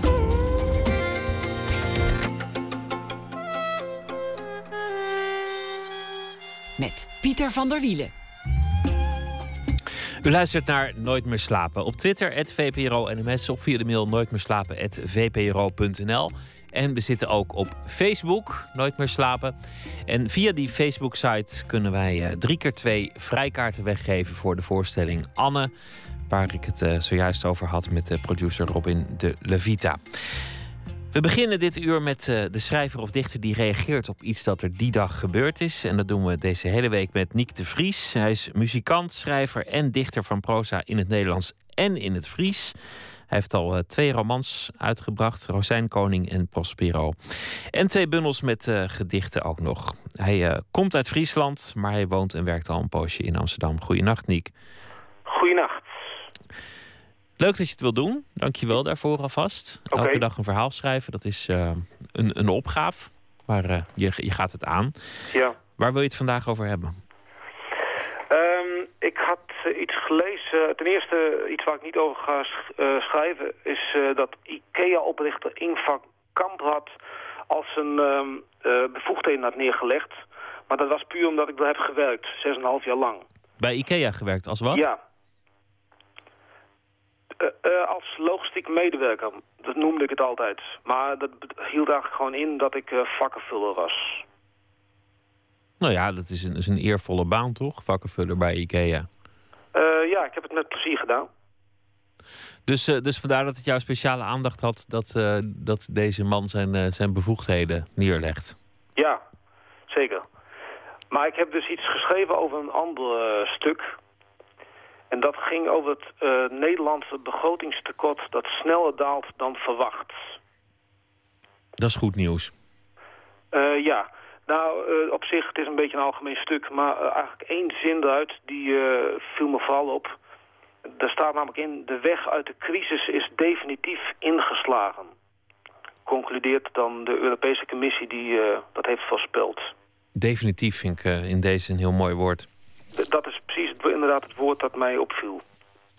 Ik ben benieuwd naar je verhaal. La- laat het horen als je wil. Oké, ik heb gewoon die zin heb ik als beginzin van het verhaal genomen. Dus komt die. De weg uit de crisis was definitief ingeslagen. Via de A6 reden we door de polder naar het noorden. En bij tankstation Wellerzand kochten we volop koekjes. Omdat het weer kon. Met plezier liet ik de muntstukken door mijn hand glijden en vroeg me af hoe lang het zou duren voor Nederland weer vol zou staan met bouwkranen. En niemand nog zou weten dat er überhaupt een crisis was geweest. Bij het passeren van Lemmer dacht ik aan mijn vader. Die was geboren tijdens de crisis van de jaren 30 van de vorige eeuw. Er was altijd tekort. Zo had hij me regelmatig uitgelegd. Na de oorlog ging hij aan de slag als timmerman. Het waren de zogenaamde opgaande jaren. Er werd gebouwd als een gek. Het ging fantastisch. Maar blijkbaar zat de zuinigheid van zijn jeugd zo in zijn hoofd geschroefd...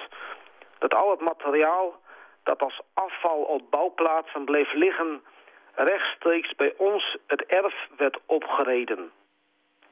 Het kon nog eens van pas komen. Toen hij met de fut ging, puilden de schuren uit. Hij paste er zelf nauwelijks meer bij. Maar hij was trots op zijn verzameling. En kennelijk sloeg de zorgeloosheid van de jaren negentig ook over op hem. Want tijdens verjaardagsfeesten schepte hij op over zijn voorraden. Hij zei, jongen, ik hoef in mijn hele leven nooit weer een spijker te kopen. Onze oom Sikke, zijn broer, was anders. Die zei, jongen, ik hoef in mijn hele leven nooit weer een spijker te zien. En de weg uit de crisis was definitief ingeslagen.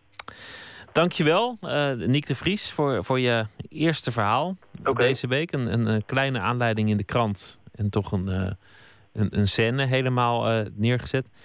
Denk je dat het waar is trouwens, dat, dat de weg uit de crisis nu is ingezet en dat, dat de, de gouden jaren weer aanbreken? nou, ik dacht het eigenlijk niet. Ik, de afgelopen vier jaar was ik in de veronderstelling eigenlijk dat het definitief naar de kelder zou gaan, alles. Naar de kelder ook meteen helemaal? Nou ja, dat was wel een beetje mijn indruk. Nou, ik, ik kan me wel herinneren dat, dat Halbe Zelstra uh, nog niet zo lang geleden zei... mensen moeten eraan wennen dat het nooit meer zal zijn als voor de crisis... en de nieuwe generatie ja. moet, een, moet een lagere standaard zich aanmeten. En, en veel van die verhalen waren zo apocalyptisch. Ja. Ik kan me ook niet voorstellen dat dat heel snel dan volledig vergeten zal zijn. Uh, ja, nou, ik las gewoon dat zinnetje en, en toen dacht ik even van... is het misschien zo dat over twee jaar we gewoon die hele crisis toch weer vergeten zijn. Ik denk dat, uh, dat een algemene wijsheid is dat mensen zowel voorspoed als tegenspoed schromelijk overdrijven. Dus als het goed gaat met de economie, dan denken ze dat het nog veel beter gaat en gaan ze op de pof leven. En als het slecht gaat, dan praten ze elkaar volledig de put in, waardoor dat op een gegeven moment ook gewoon waar wordt. Dus, dus een zekere gematigdheid in het oordeel zou onszelf en de economie goed doen. Ja, klinkt goed. Nou, met deze wijze woorden laten we het er maar even bij voor vanavond. Niek, dankjewel. Goeienacht. Ja. Ik uh, noem nog even je, je boeken. Romans, Rozijnkoning en Prospero. En twee bundels met proza-gedichten. Motorman en 39 andere proza-gedichten. En de dingen gebeuren omdat ze rijmen. Graag uh, tot uh, morgen. En voor nu een hele goede nacht. Ja, oké. Okay, tot morgen. Dag. Hoi. De groepsnaam is de Sierra Leone's Refugee All-Stars. En daarbij dragen ze een stuk van de geschiedenis van het land in zich. De zes muzikanten moesten naar Guinea vluchten tijdens de burgeroorlog... die van 1991 tot 2002 woedde in Sierra Leone. Het nieuwe album heet uh, Libation. En Sierra Leone Refugee All-Stars viert daarmee het tienjarig bestaan. Het nummer dat we draaien heet Shimra.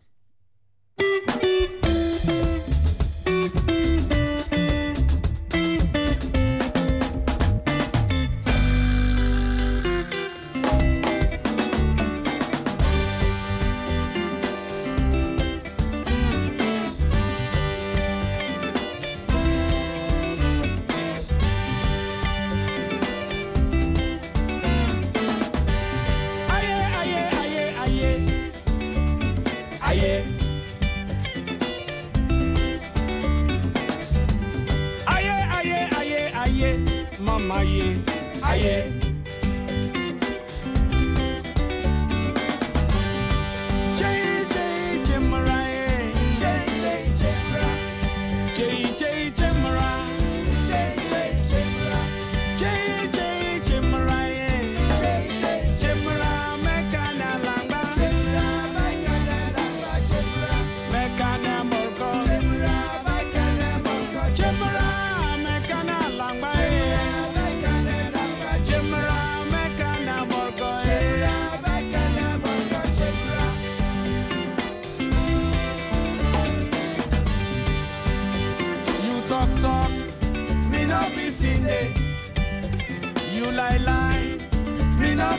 You dey pass and talk win them. We not seen there. You dey pass and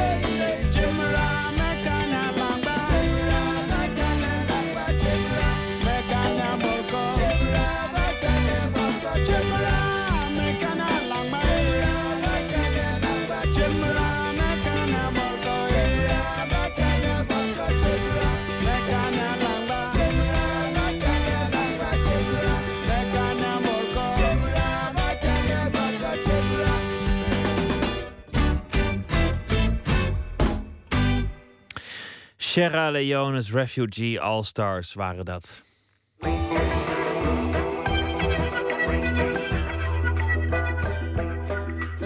U luistert naar de VPRO op Radio 1 Nooit meer slapen. Een Duits-Nederlandse nacht en dat op bevrijdingsdag. Het getuigt van lef. De Duits-Nederlandse entertainer Sven Ratske die doet het al vijf jaar. En vanavond was de laatste in het Amsterdamse Bimhuis. Aanwezig schrijver Connie Palm en harpiste Lavinia Meijer. Ze traden ook op. We stuurden onze verslaggever op pad, Botte Jellema.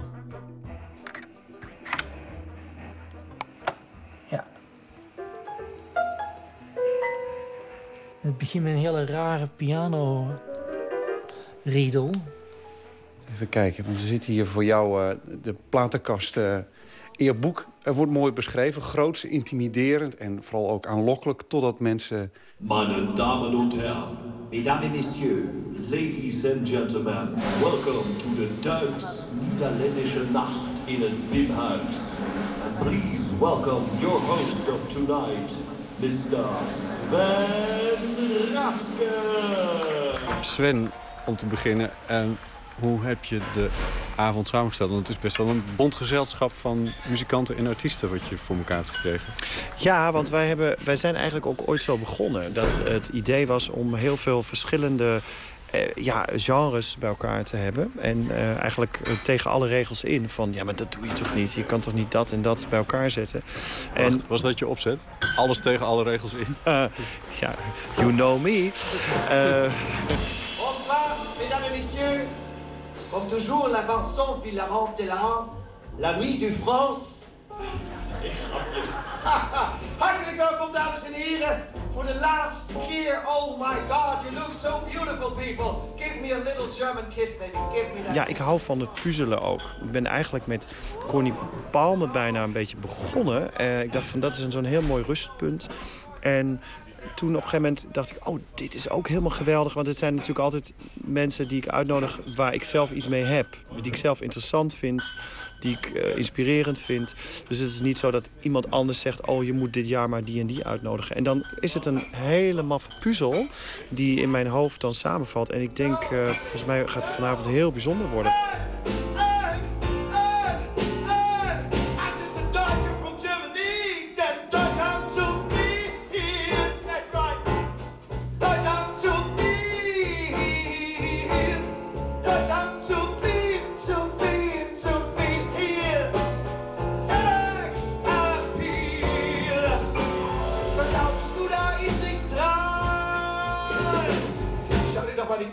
Meine selbstgestrickten Jacke an.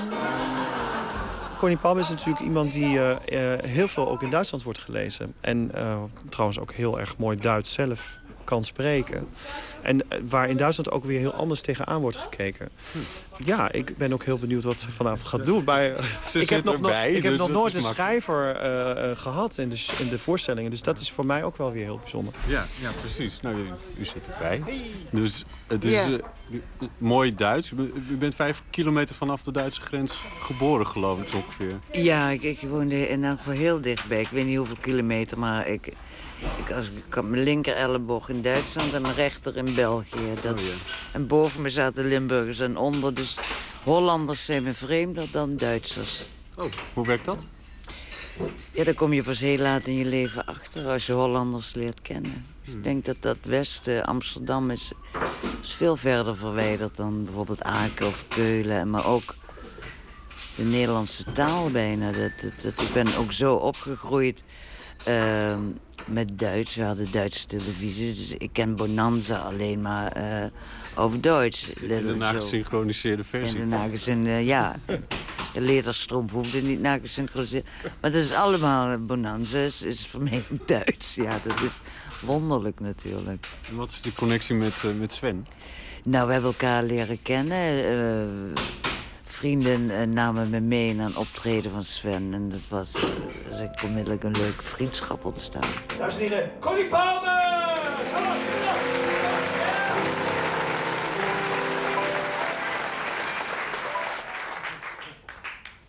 Ja, het is even sluis met de pret. Ehm, ik, ik ben inderdaad hier voor de ernst en de verdieping. Ik heb ook het meest deprimerende stuk uitgezocht dat ik de hele oeuvre kon vinden. Ik kan als telk van de naoorlogsgeneratie niet zoveel over de bevrijding vertellen al. Of het moet over een geestelijke bevrijding zijn, maar goed, daar ga ik het ook niet over. Sven had het over rustpunt en, en wat wijsheid. Nou, dus ik op zoek naar eh, een fragment. Ik denk, nou, ze hebben al lol zat vanavond... dus laat ik maar met een flink deprimerend stuk aankomen. Daar heb ik voor gezorgd. Het is werkelijk een van, maar het is een van de passages uit Geheel de Uur... waar ik... eh, dermate effect had, zowel in Nederland eigenlijk... maar ik vandaag helemaal op konto van de Duitse vrouwen... waar, eh, waar echt vrouwen hun tranen uitbarsten en, en of flauw vielen. Echt Dramatische scènes hebben zich daarbij afgespeeld. En het is eigenlijk een analyse van, van mijn generatie, van de naoorlogsgeneratie. En ehm, ja, dit is een wat trieste analyse. Het juk van het geluk noem ik dat. Mit ganzer Ehre habe ich versucht, einen Roman über unsere Generation zu schreiben, über die sogenannte Babyboomer. Eine Generation, die ab 1950 geboren wurde und aufwuchs mit Verführung, Theaterschuld und abwesenden Vätern. Een andere interessante combinatie is die met Lavinia Meijer, harpiste. Eh, die hier al wel een keer eerder in het Bimhuis heeft gespeeld. Het Bimhuis wat toch het, eh, de plek is voor geïmproviseerde muziek. Ja. Want ik begrijp het, je hebt je cd hier gepresteerd. Ja, klopt. Ehm, twee jaar toen mijn Glass CD uitkwam, eh, heb ik hier de presentatie gehouden. Dus ja, de zaal is me zeker niet eh, onbekend. Het hele fijne zaal om te spelen. En eh, nou ja, ik speel wat dat betreft ook een stuk, een metamorfosis, deel 2 van Glass vanavond. Wat toch wel een hele ja, mooie, maar ook ehm, serene sfeer heeft. Dus dat, dat sluit misschien dan wel weer heel erg mooi aan op de teksten. Ehm, Van Connie Palmer. van Connie Palmer.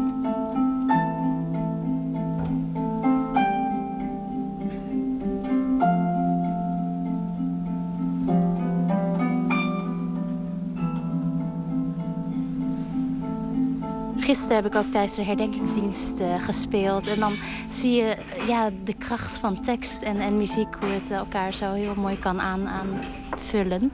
Ehm, ook zal ik een bewerking eh, van eh, Karma Police van Radiohead spelen. En dan ook eh, uiteraard met Sven. En eh, nou, ik heb eh, Sven ik, eh, nog niet live in concert gehoord, maar ik wilde heel graag eh, naar hem toe gaan. En toen hij mij vroeg hier, hiervoor, ja, had ik gelijk zoiets van, nou, dat is een fantastische manier om dan gelijk samen wat uit te proberen. Dus dat, dat is ook eh, wat vanavond gaat gebeuren. En Met- waarom, waarom wilde je graag met Sven eh, spelen? nou, we hebben een heel leuk stuk wat denk ik al...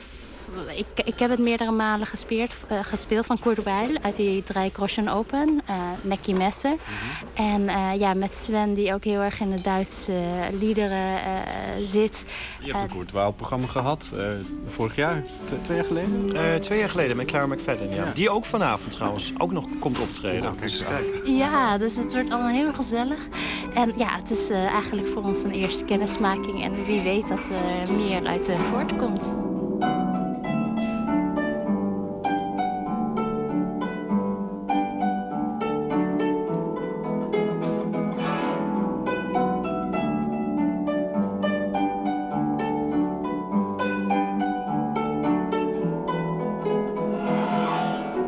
Samen met, eh, met Harm? En dan moet je eigenlijk aan Sven vragen. Hoe vind je het? Hoe werkt dat? Ja, dat, eh, dat, we hebben net even dat gerepeteerd en dat, dat ging meteen. Dus eh, eh, kijk, dat is natuurlijk ook... Lavinia is natuurlijk ook een, een muziek, muzici die, die heel graag het experiment aangaat. Want anders zou ze denk ik ook niet zo gek zijn om aan deze avond en überhaupt met mij in zee te gaan. En ja, zoals jij ook weet en sommige andere luisteraars daarbuiten... dat wij natuurlijk veel, ja, met bijvoorbeeld Claire McFadden... die eigenlijk uit de klassieke moderne muziek komt, met Erik Vloeimans. Dus wij werken met zoveel verschillende muzie- muzici samen... die ons dan ook inspireren en die het dan ook blijkbaar toch leuk vinden... om met zo'n gek als mij en met die fantastische band... eh, van mij ook te werken. En deze avonden zijn bij uitstek natuurlijk ook... Ja, het is een, het is een, eh, het is een moment. Het is alleen nu. En ik denk, eh, voor, voor mij is het altijd iets heel bijna familiairs. Het is een, soort feest. Eh, hier zijn zoveel verschillende talenten uit Nederland en Duitsland samen. En wij zijn hier ook niet om heel politiek te gaan doen of zo. Dat, is, dat, dat zijn eerder, eerder emoties van eh, de artiesten zelf... die je hier eh, mee gaat maken.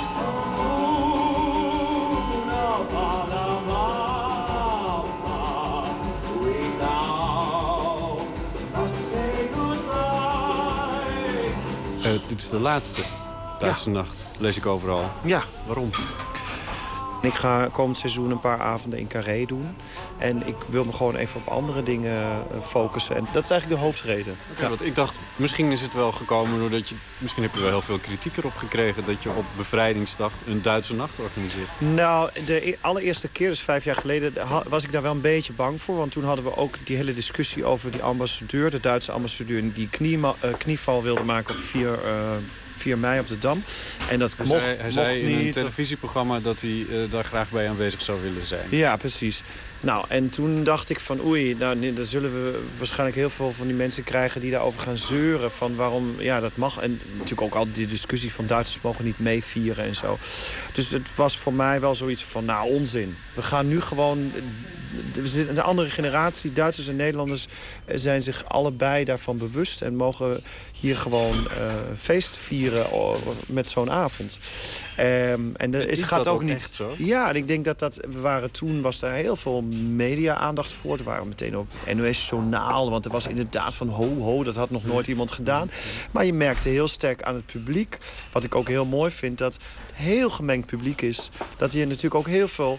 Eh, stellen hebt waar de een uit Duitsland of de ander dan weer uit Nederland komt. Dus waar die ehm, cultuurverschillen ook altijd al een rol spelen. En dat, dat komt eigenlijk op zo'n avond een beetje samen. Natuurlijk mede door mij als rode draad. Omdat ik natuurlijk zo Duits-Nederlands al zelf ben.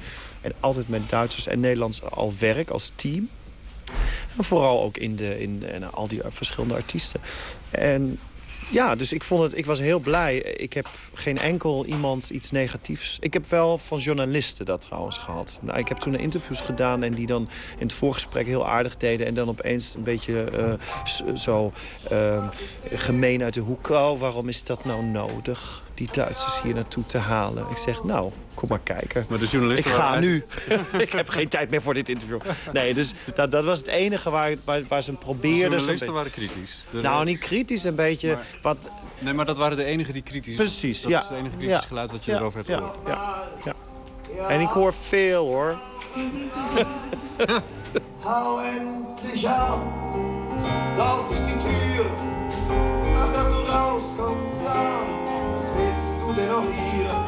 geglaubt, dein Leben wohl, das tut mir so weh, dass ich zerbrenne und ohne dich zugrunde Je bent inderdaad half Nederlands, half Duits. Je hebt een Duitse achternaam. Ik kan me voorstellen dat je daar eh, nog wel eens mee geconfronteerd wordt. Nee, gelukkig. Kijk, ik heb wel eh, behoefte aan een lintje. Omdat ik natuurlijk eh, zoveel werk ervan heb gemaakt. Nee, dat was nooit helemaal de insteek. Maar uiteindelijk, ik, ik denk, eh, zonder gekheid... er zijn heel veel dingen gebeurd de laatste tien jaar. Dat is de populariteit van Berlijn heeft enorm toegenomen. Eh, we doen allemaal niet meer zo heel moeilijk te over. En ehm, nou ja, ook deze avonden en ook mensen als mij... die kunnen laten zien dat Duitsers dus toch best wel zelfspot hebben... en zich ook niet altijd even serieus nemen. En eh, nou, dat er ook een andere kant is. En ik denk dat het dat ook hier mensen zijn geweest die zeiden van... oh, ik, oh en wat, en wat is het eigenlijk een mooie taal bijvoorbeeld. Hè? Dat is natuurlijk ook door die vreselijke Duitsleraren. Sorry jongens, maar er zijn een paar vreselijke Duitsleraren geweest. Ik weet waar je het over hebt. Precies, kijk, nou, now we're talking. En eh, dus wij proberen dat, of ik probeer wel altijd te zeggen... kijk, daar is... En ook die gekke men- die artiesten die hier vanavond, die Oelan en Bator... dat is soort Beckett on acid. Nou, dat, dat, dat hebben we hier niet. En mensen zullen het ook niet zo snel zien... omdat ze natuurlijk niet zomaar hier op tour gaan. Dus dit is ook een unieke kans om dat soort bizarre artiesten te zien. Dames, ik zie jullie aan deze kant van de tafel knikken. Wat Sven net zegt. Ja, ik ben het, eh, ik ben het helemaal eens met Sven. eh, ook dat hij een lintje verdient. Nun kommst du daher und meinst, dass ich gewartet habe auf dich. Doch ich heb meine Liebe auf, für den erwarten kann auf mich. Ich überlebe.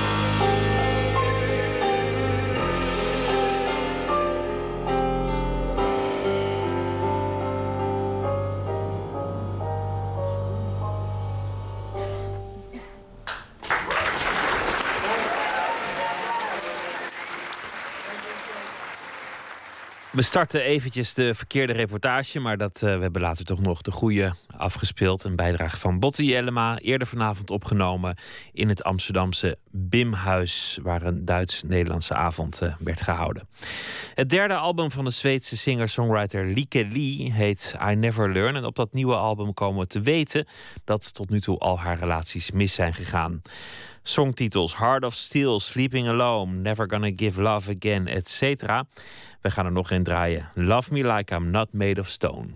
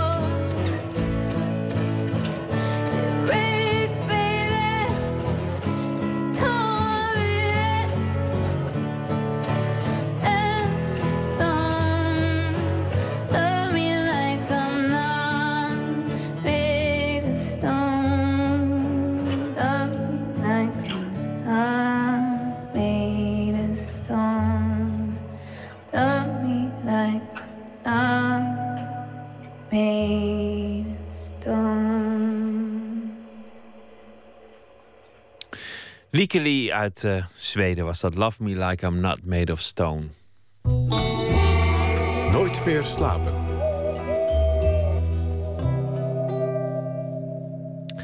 Elke maandag krijgt u van ons een eh, correspondent uit een ander deel van de wereld over wat er daar gaande is op cultureel gebied. En deze nacht is dat Marije Vlaskamp in China.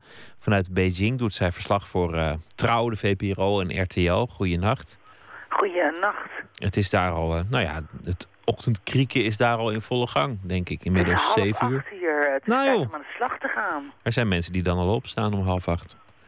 Ik wel, ja. Ja, Eh, je wilde het hebben over Ai Weiwei, de, de, de bekende kunstenaar, dissident. eh, Een van de meest besproken kunstenaars in de wereld op dit moment. Wat is er met hem aan de hand? Ja, hij eh, heeft een film eh, gemaakt. Of beter gezegd, hij speelt een rol in een eh, soort science fiction film. En die gaat over als China straks in de nabije toekomst geen water meer heeft. Hij is dan een watersmokkelaar. Die film is nog niet helemaal af. Hij is wel al gedraaid. En nu probeert de filmmaker daar geld voor te werven via crowdfunding. En ik heb een paar clipjes gezien uit die film en het ziet er heel erg spannend uit. En eh, nu ligt Weiwei dwars. Hij zegt eh, dat hij helemaal niet zo'n grote rol had gewild in die film. Eh, hij wordt natuurlijk als uithangbord voor dat project gebruikt. En hij heeft dat verboden middels een boze brief van zijn advocaat. En nu zijn alle clipjes die online stonden verwijderd. En is het maar de vraag of die film doorgaat. Nou ja, je kan die film toch opnieuw monteren en dan Ai Weiwei er zoveel mogelijk uithalen. Ja, ik denk dat die eh, filmmaker, Jason Wisnow, een beetje in de band van Ai Weiwei is geraakt. Die eh, heeft hem hier in 2013 eh, ontmoet. Of in 2013 is hij die film gaan draaien. En eh, je ziet gewoon aan alle dingetjes die Jason Wisnow heeft gepost... dat hij ja, helemaal verliefd is geraakt op Ai Weiwei. En Ai Weiwei een veel grotere rol heeft gegeven in die film... dan de kunstenaar eigenlijk wilde. En ja, als dingen niet gaan zoals Ai Weiwei dat wil... dan zet hij zich schrap en verbiedt hij dus al zijn medewerking... op, flinke, op straffen van flinke geldboetes. Dus ja, die James, eh, Jason Wisnow die zit nu met zijn film. Die kan daar niet verder mee totdat er een oplossing is eh, gekomen. Het geeft aan eh, hoe zorgvuldig WW, zeg jij, hè? Want, want je hoort hier wel eens Weiwei, zei ik net ook, geloof ik. WW, oké. Nou, zie je, dat luistert nou. Hij gaat heel zorgvuldig om met zijn, met zijn imago. Hij is, hij is heel bewust van, van hoe je een beeld neerzet en hoe je een imago creëert. Ja, het is een enorme zelfpromotor. Hij is daar heel erg goed in. Eh, hij kan allerlei reurong veroorzaken, relletjes veroorzaken, maar hij wil zelf in controle zijn. Ja, die man is bijna onvermijdelijk als je kijkt naar Chinese kunst. eh, internationaal eh, eh, tentoonstellingen met, met de nodige merchandise, met een kop er ook op. van placemats tot muismatten, AIWW is niet weg te denken. Maar als iemand anders met hem iets wil, dan ja, wil hij daar gewoon de controle op. Ik heb dat zelf ook meegemaakt. Ik heb hem vorig jaar geïnterviewd toen zijn eerste muziekvideoclip uitkwam. En nou, er ging een procedure aan vooraf, eh, alsof je, nou ja, hij wordt hier God Ai genoemd. Inderdaad, alsof je God zelf gaat interviewen. Faxen eh, met eh, je vragen, je krijgt een timeslot, dat mag alleen dan voor de krant, weer niet voor de tv. Alles wat je ermee doet moet je van tevoren laten autoriseren door zijn staf. Kortom, hij, het is een man van eh, de vrije kunst, het rebelse geluid. Maar hij eh, houdt aan de andere kant heel goed touwtjes in handen.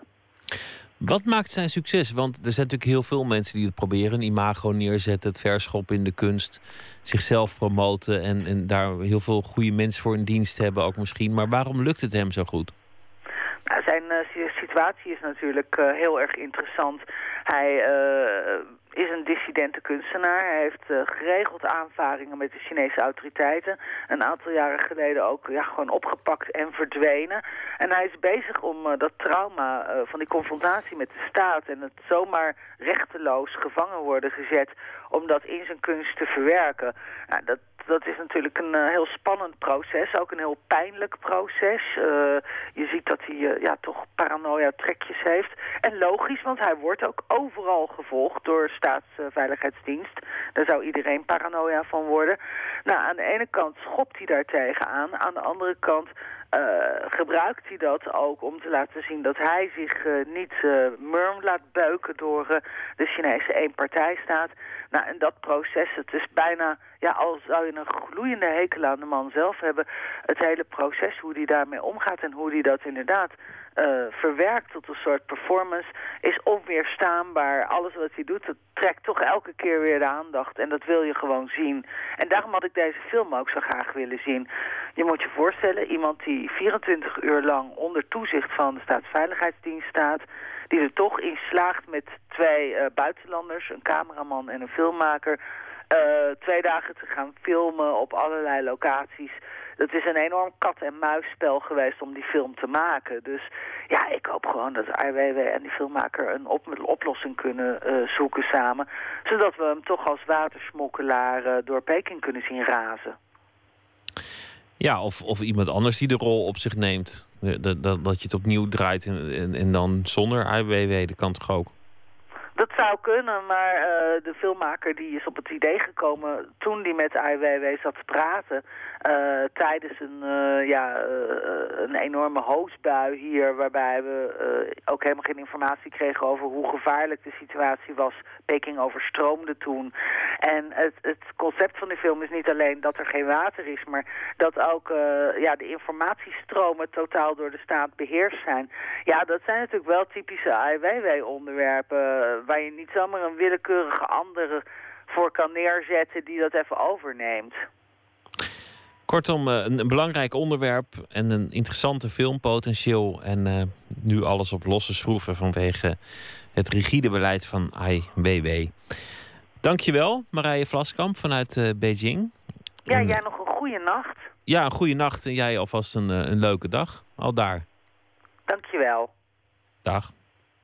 Dag. We gaan luisteren naar de Amerikaanse singer-songwriter Bill Oldham, beter bekend als Bonnie Prince Billy. Hij komt dit jaar naar Nederland voor een concertreeks van eh, zeven optredens op eh, bijzondere locaties, kerken, bioscopen en dat soort dingen. We draaien een oud nummer van hem en eh, dat nummer heeft hij uitgebracht onder een andere naam, de pseudoniem Palace Music. Het nummer heet New Partner.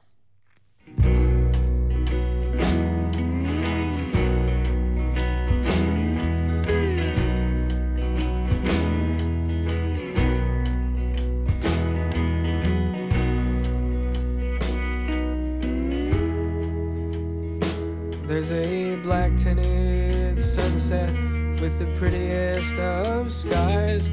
Lay back, lay back, rest your head on my thighs. There is some awful action that just breathes from my hand. Just breaths from a deed so exquisitely grand. And you're always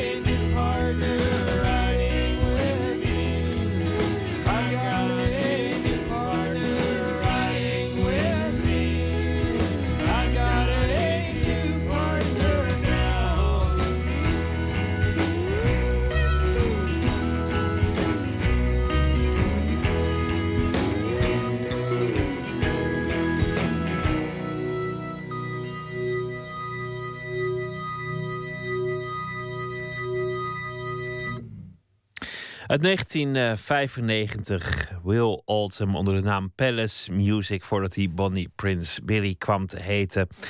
En eh, meer informatie over de concertenreeks dat eh, kunt u vinden door iets in te typen op Google, namelijk de Royal Dutch Tour.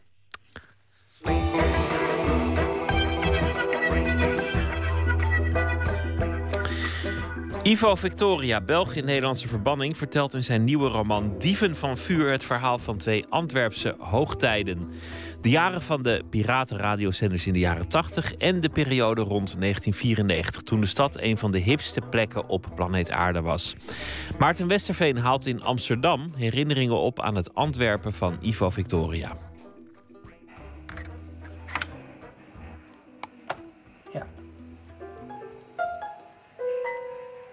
Het begint met een hele rare piano riedel. Even kijken, want we zitten hier voor jou, eh, de platenkast. eh Eer boek er wordt mooi beschreven, groots, intimiderend... en vooral ook aanlokkelijk, totdat mensen dan eens gaan kijken... wat er in die platenbak Nou ja, dat- te vinden is. En wat vinden ze dan?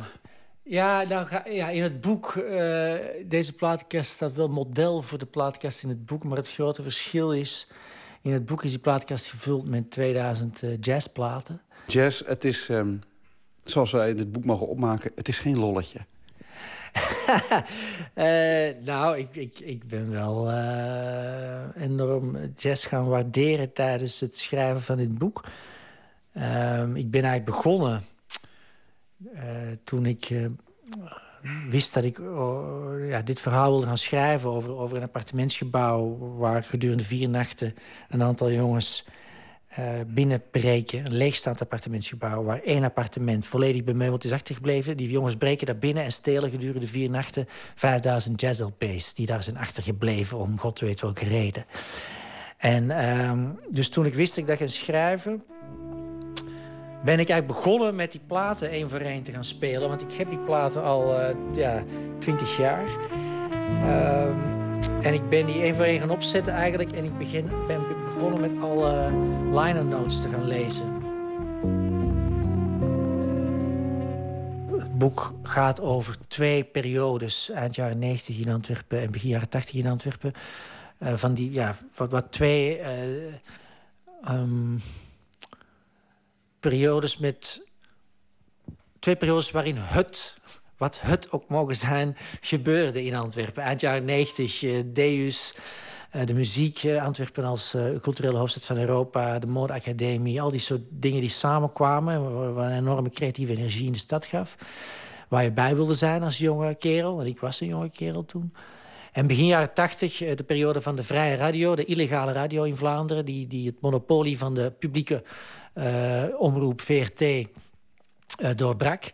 Ehm, en, en toen de DJ's van die vrije radio's, die, die her en der ja, in appartementen zaten en weer opgedoekt werden... en weer ergens anders opnieuw opdoken. Dat was een heel interessante tijd. Die mannen, die DJ's, dat waren ook de mannen. Dat was ook de periode, daar wou je bij zijn. En, dat en dus eigenlijk gaat, gaat het hele boek over die momenten die nooit terugkeren. Die, die je alleen maar kunt snappen als je erbij waart. Die alleen maar bestonden op het moment zelf. En, en dat heeft ook heel veel te maken met jazz. Wat een muziekgenre is dat... Ja, de, de beste momenten, de, de band jamt en jamt en hoopt... om op een gegeven moment een moment te bereiken... waarin alles klopt en ze bo- boven zichzelf uitsteken. En, en, en seconden nadat... eh, het gebeurt alleen op het moment zelf, daarna is het weer weg. En het kan ook nooit meer terugkeren. Die, die jam sessies zijn altijd uniek. Dus zo heb ik het een beetje over het boek zitten denken ook. En, en zo heb ik het proberen te schrijven.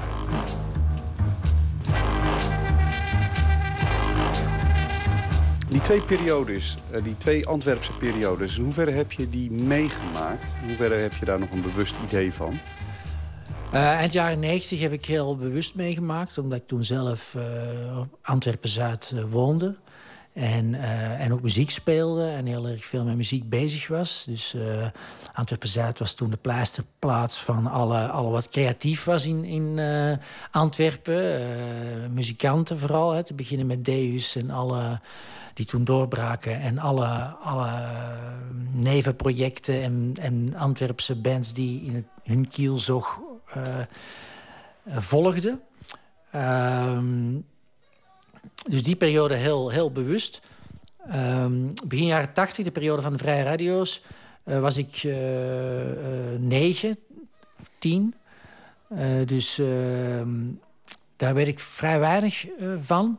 Al kan ik me nog wel heel goed herinneren dat dat toen aan de hand was. Hè. Plotseling had elk dorp in Vlaanderen had een eigen vrije radio. En, en het was spannend, want dat mocht niet. En ik herinner me dat we ook wel als kleine jongens vrije radio speelden... in de, in de kelder met twee oude pick-ups. En eh, dat soort dingen. Eh, en je zag overal die stickers van die vrije radio's hangen op lantaarnpaaltjes en zo. En dat was opnieuw. Er was heel veel te doen. De jonge Guy Verhofstadt heeft zich er nog sterk voor gemaakt... voor de legalisering van die vrije radio's en zo. Ehm, maar om daarover te kunnen schrijven heb ik ook wel een heleboel mensen geïnterviewd. Dus ik ben eh, een aantal DJ's uit die tijd terug gaan opzoeken en eh, mee gaan praten. En heel veel anekdotes verzameld over die tijd. Eh, dus dat kostte wel veel eh, research. Sowieso, heel het boek kostte veel research. Want ook de appartementsgebouw, dat bestaat echt. Eh, dus ik ben met stadsgidsen op pad geweest. Eh, ik heb eh, mensen uit die omgeving, uit die buurt, oude mensen, mensen van in de tachtig eh, geïnterviewd. Om meer te weten te komen over de wijk waar dat gebouw staat. En ja, zo komen we van alle dingen te weten. ja.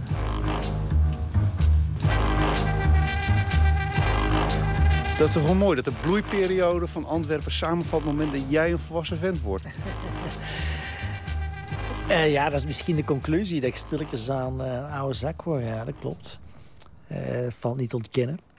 Het schijnt ons allemaal te overkomen, vroeger of later. Ja, nee, zeker. En, ehm, ehm, maar goed, het is natuurlijk ook...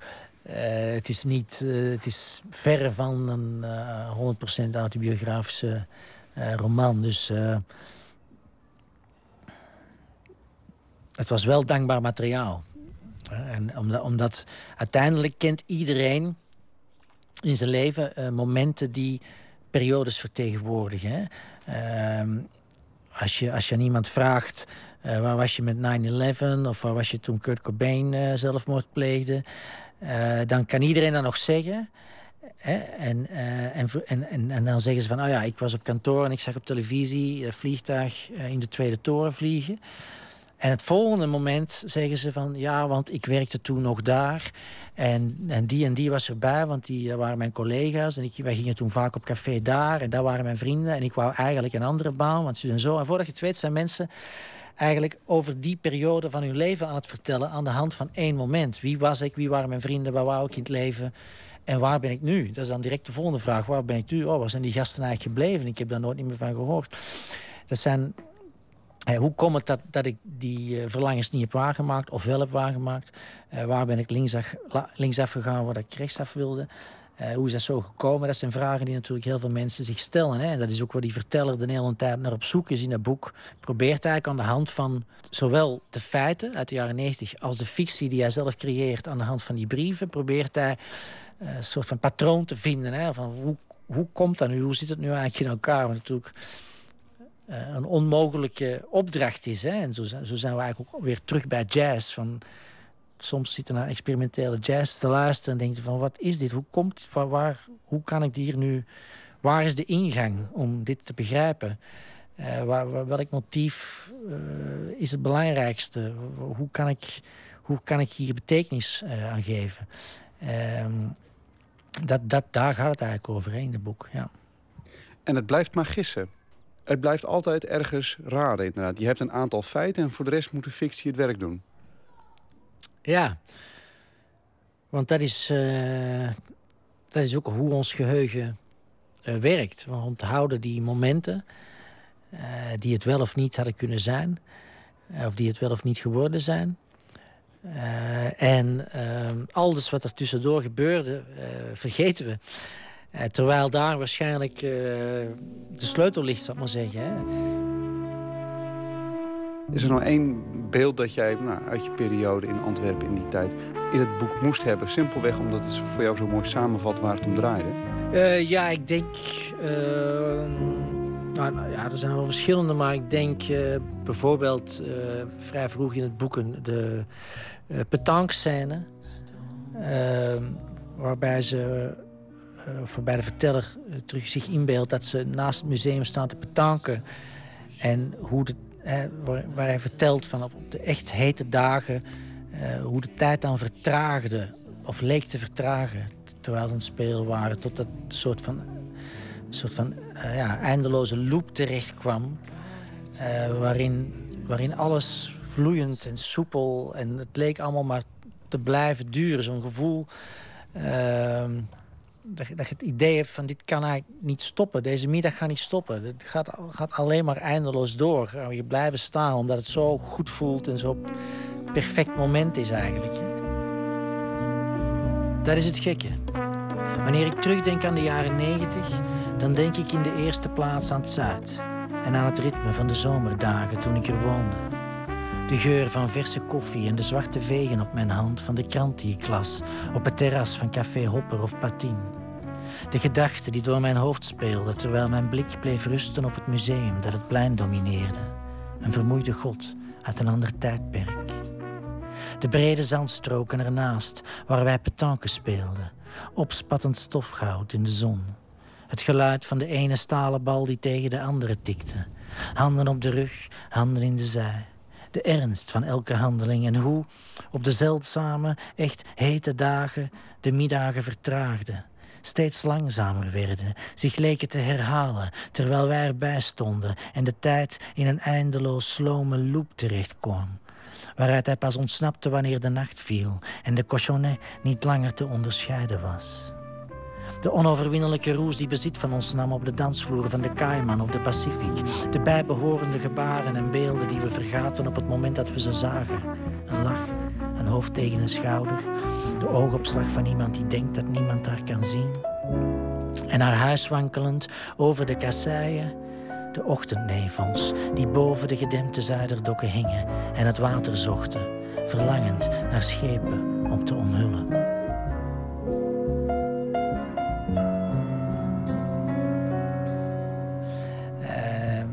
En dat zijn wel, eh, ja, dat, kan, dat, dat, dat zijn momenten die ik nog wel kan missen ook zo. Dat, dat gevoel van, ehm, dit gaat nooit meer voorbij.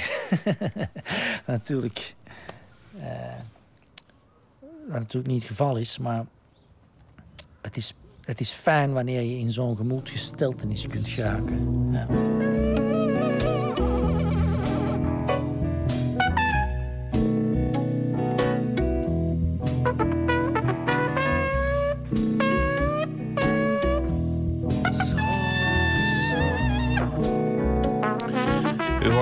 Maarten Westerveen in gesprek met schrijver Ivo Victoria. Die herinneringen ophaalde aan de glorietijd van Antwerpen in het boek Dieven van Vuur.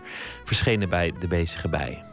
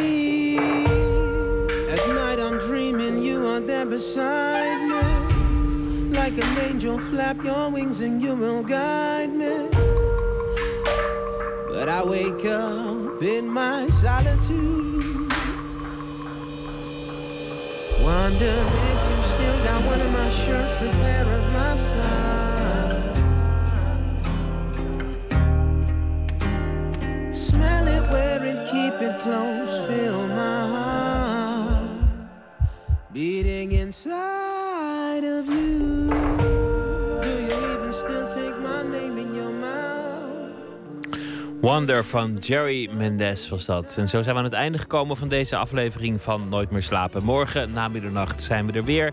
En dan komt de schrijver Eus langs, Eusjan Akiol. Hij heeft een eh, bundel geschreven over voetbal. Dat morgen voor nu een hele goede nacht. En eh, graag tot dan straks op deze zender. De EO met Dit is de Nacht.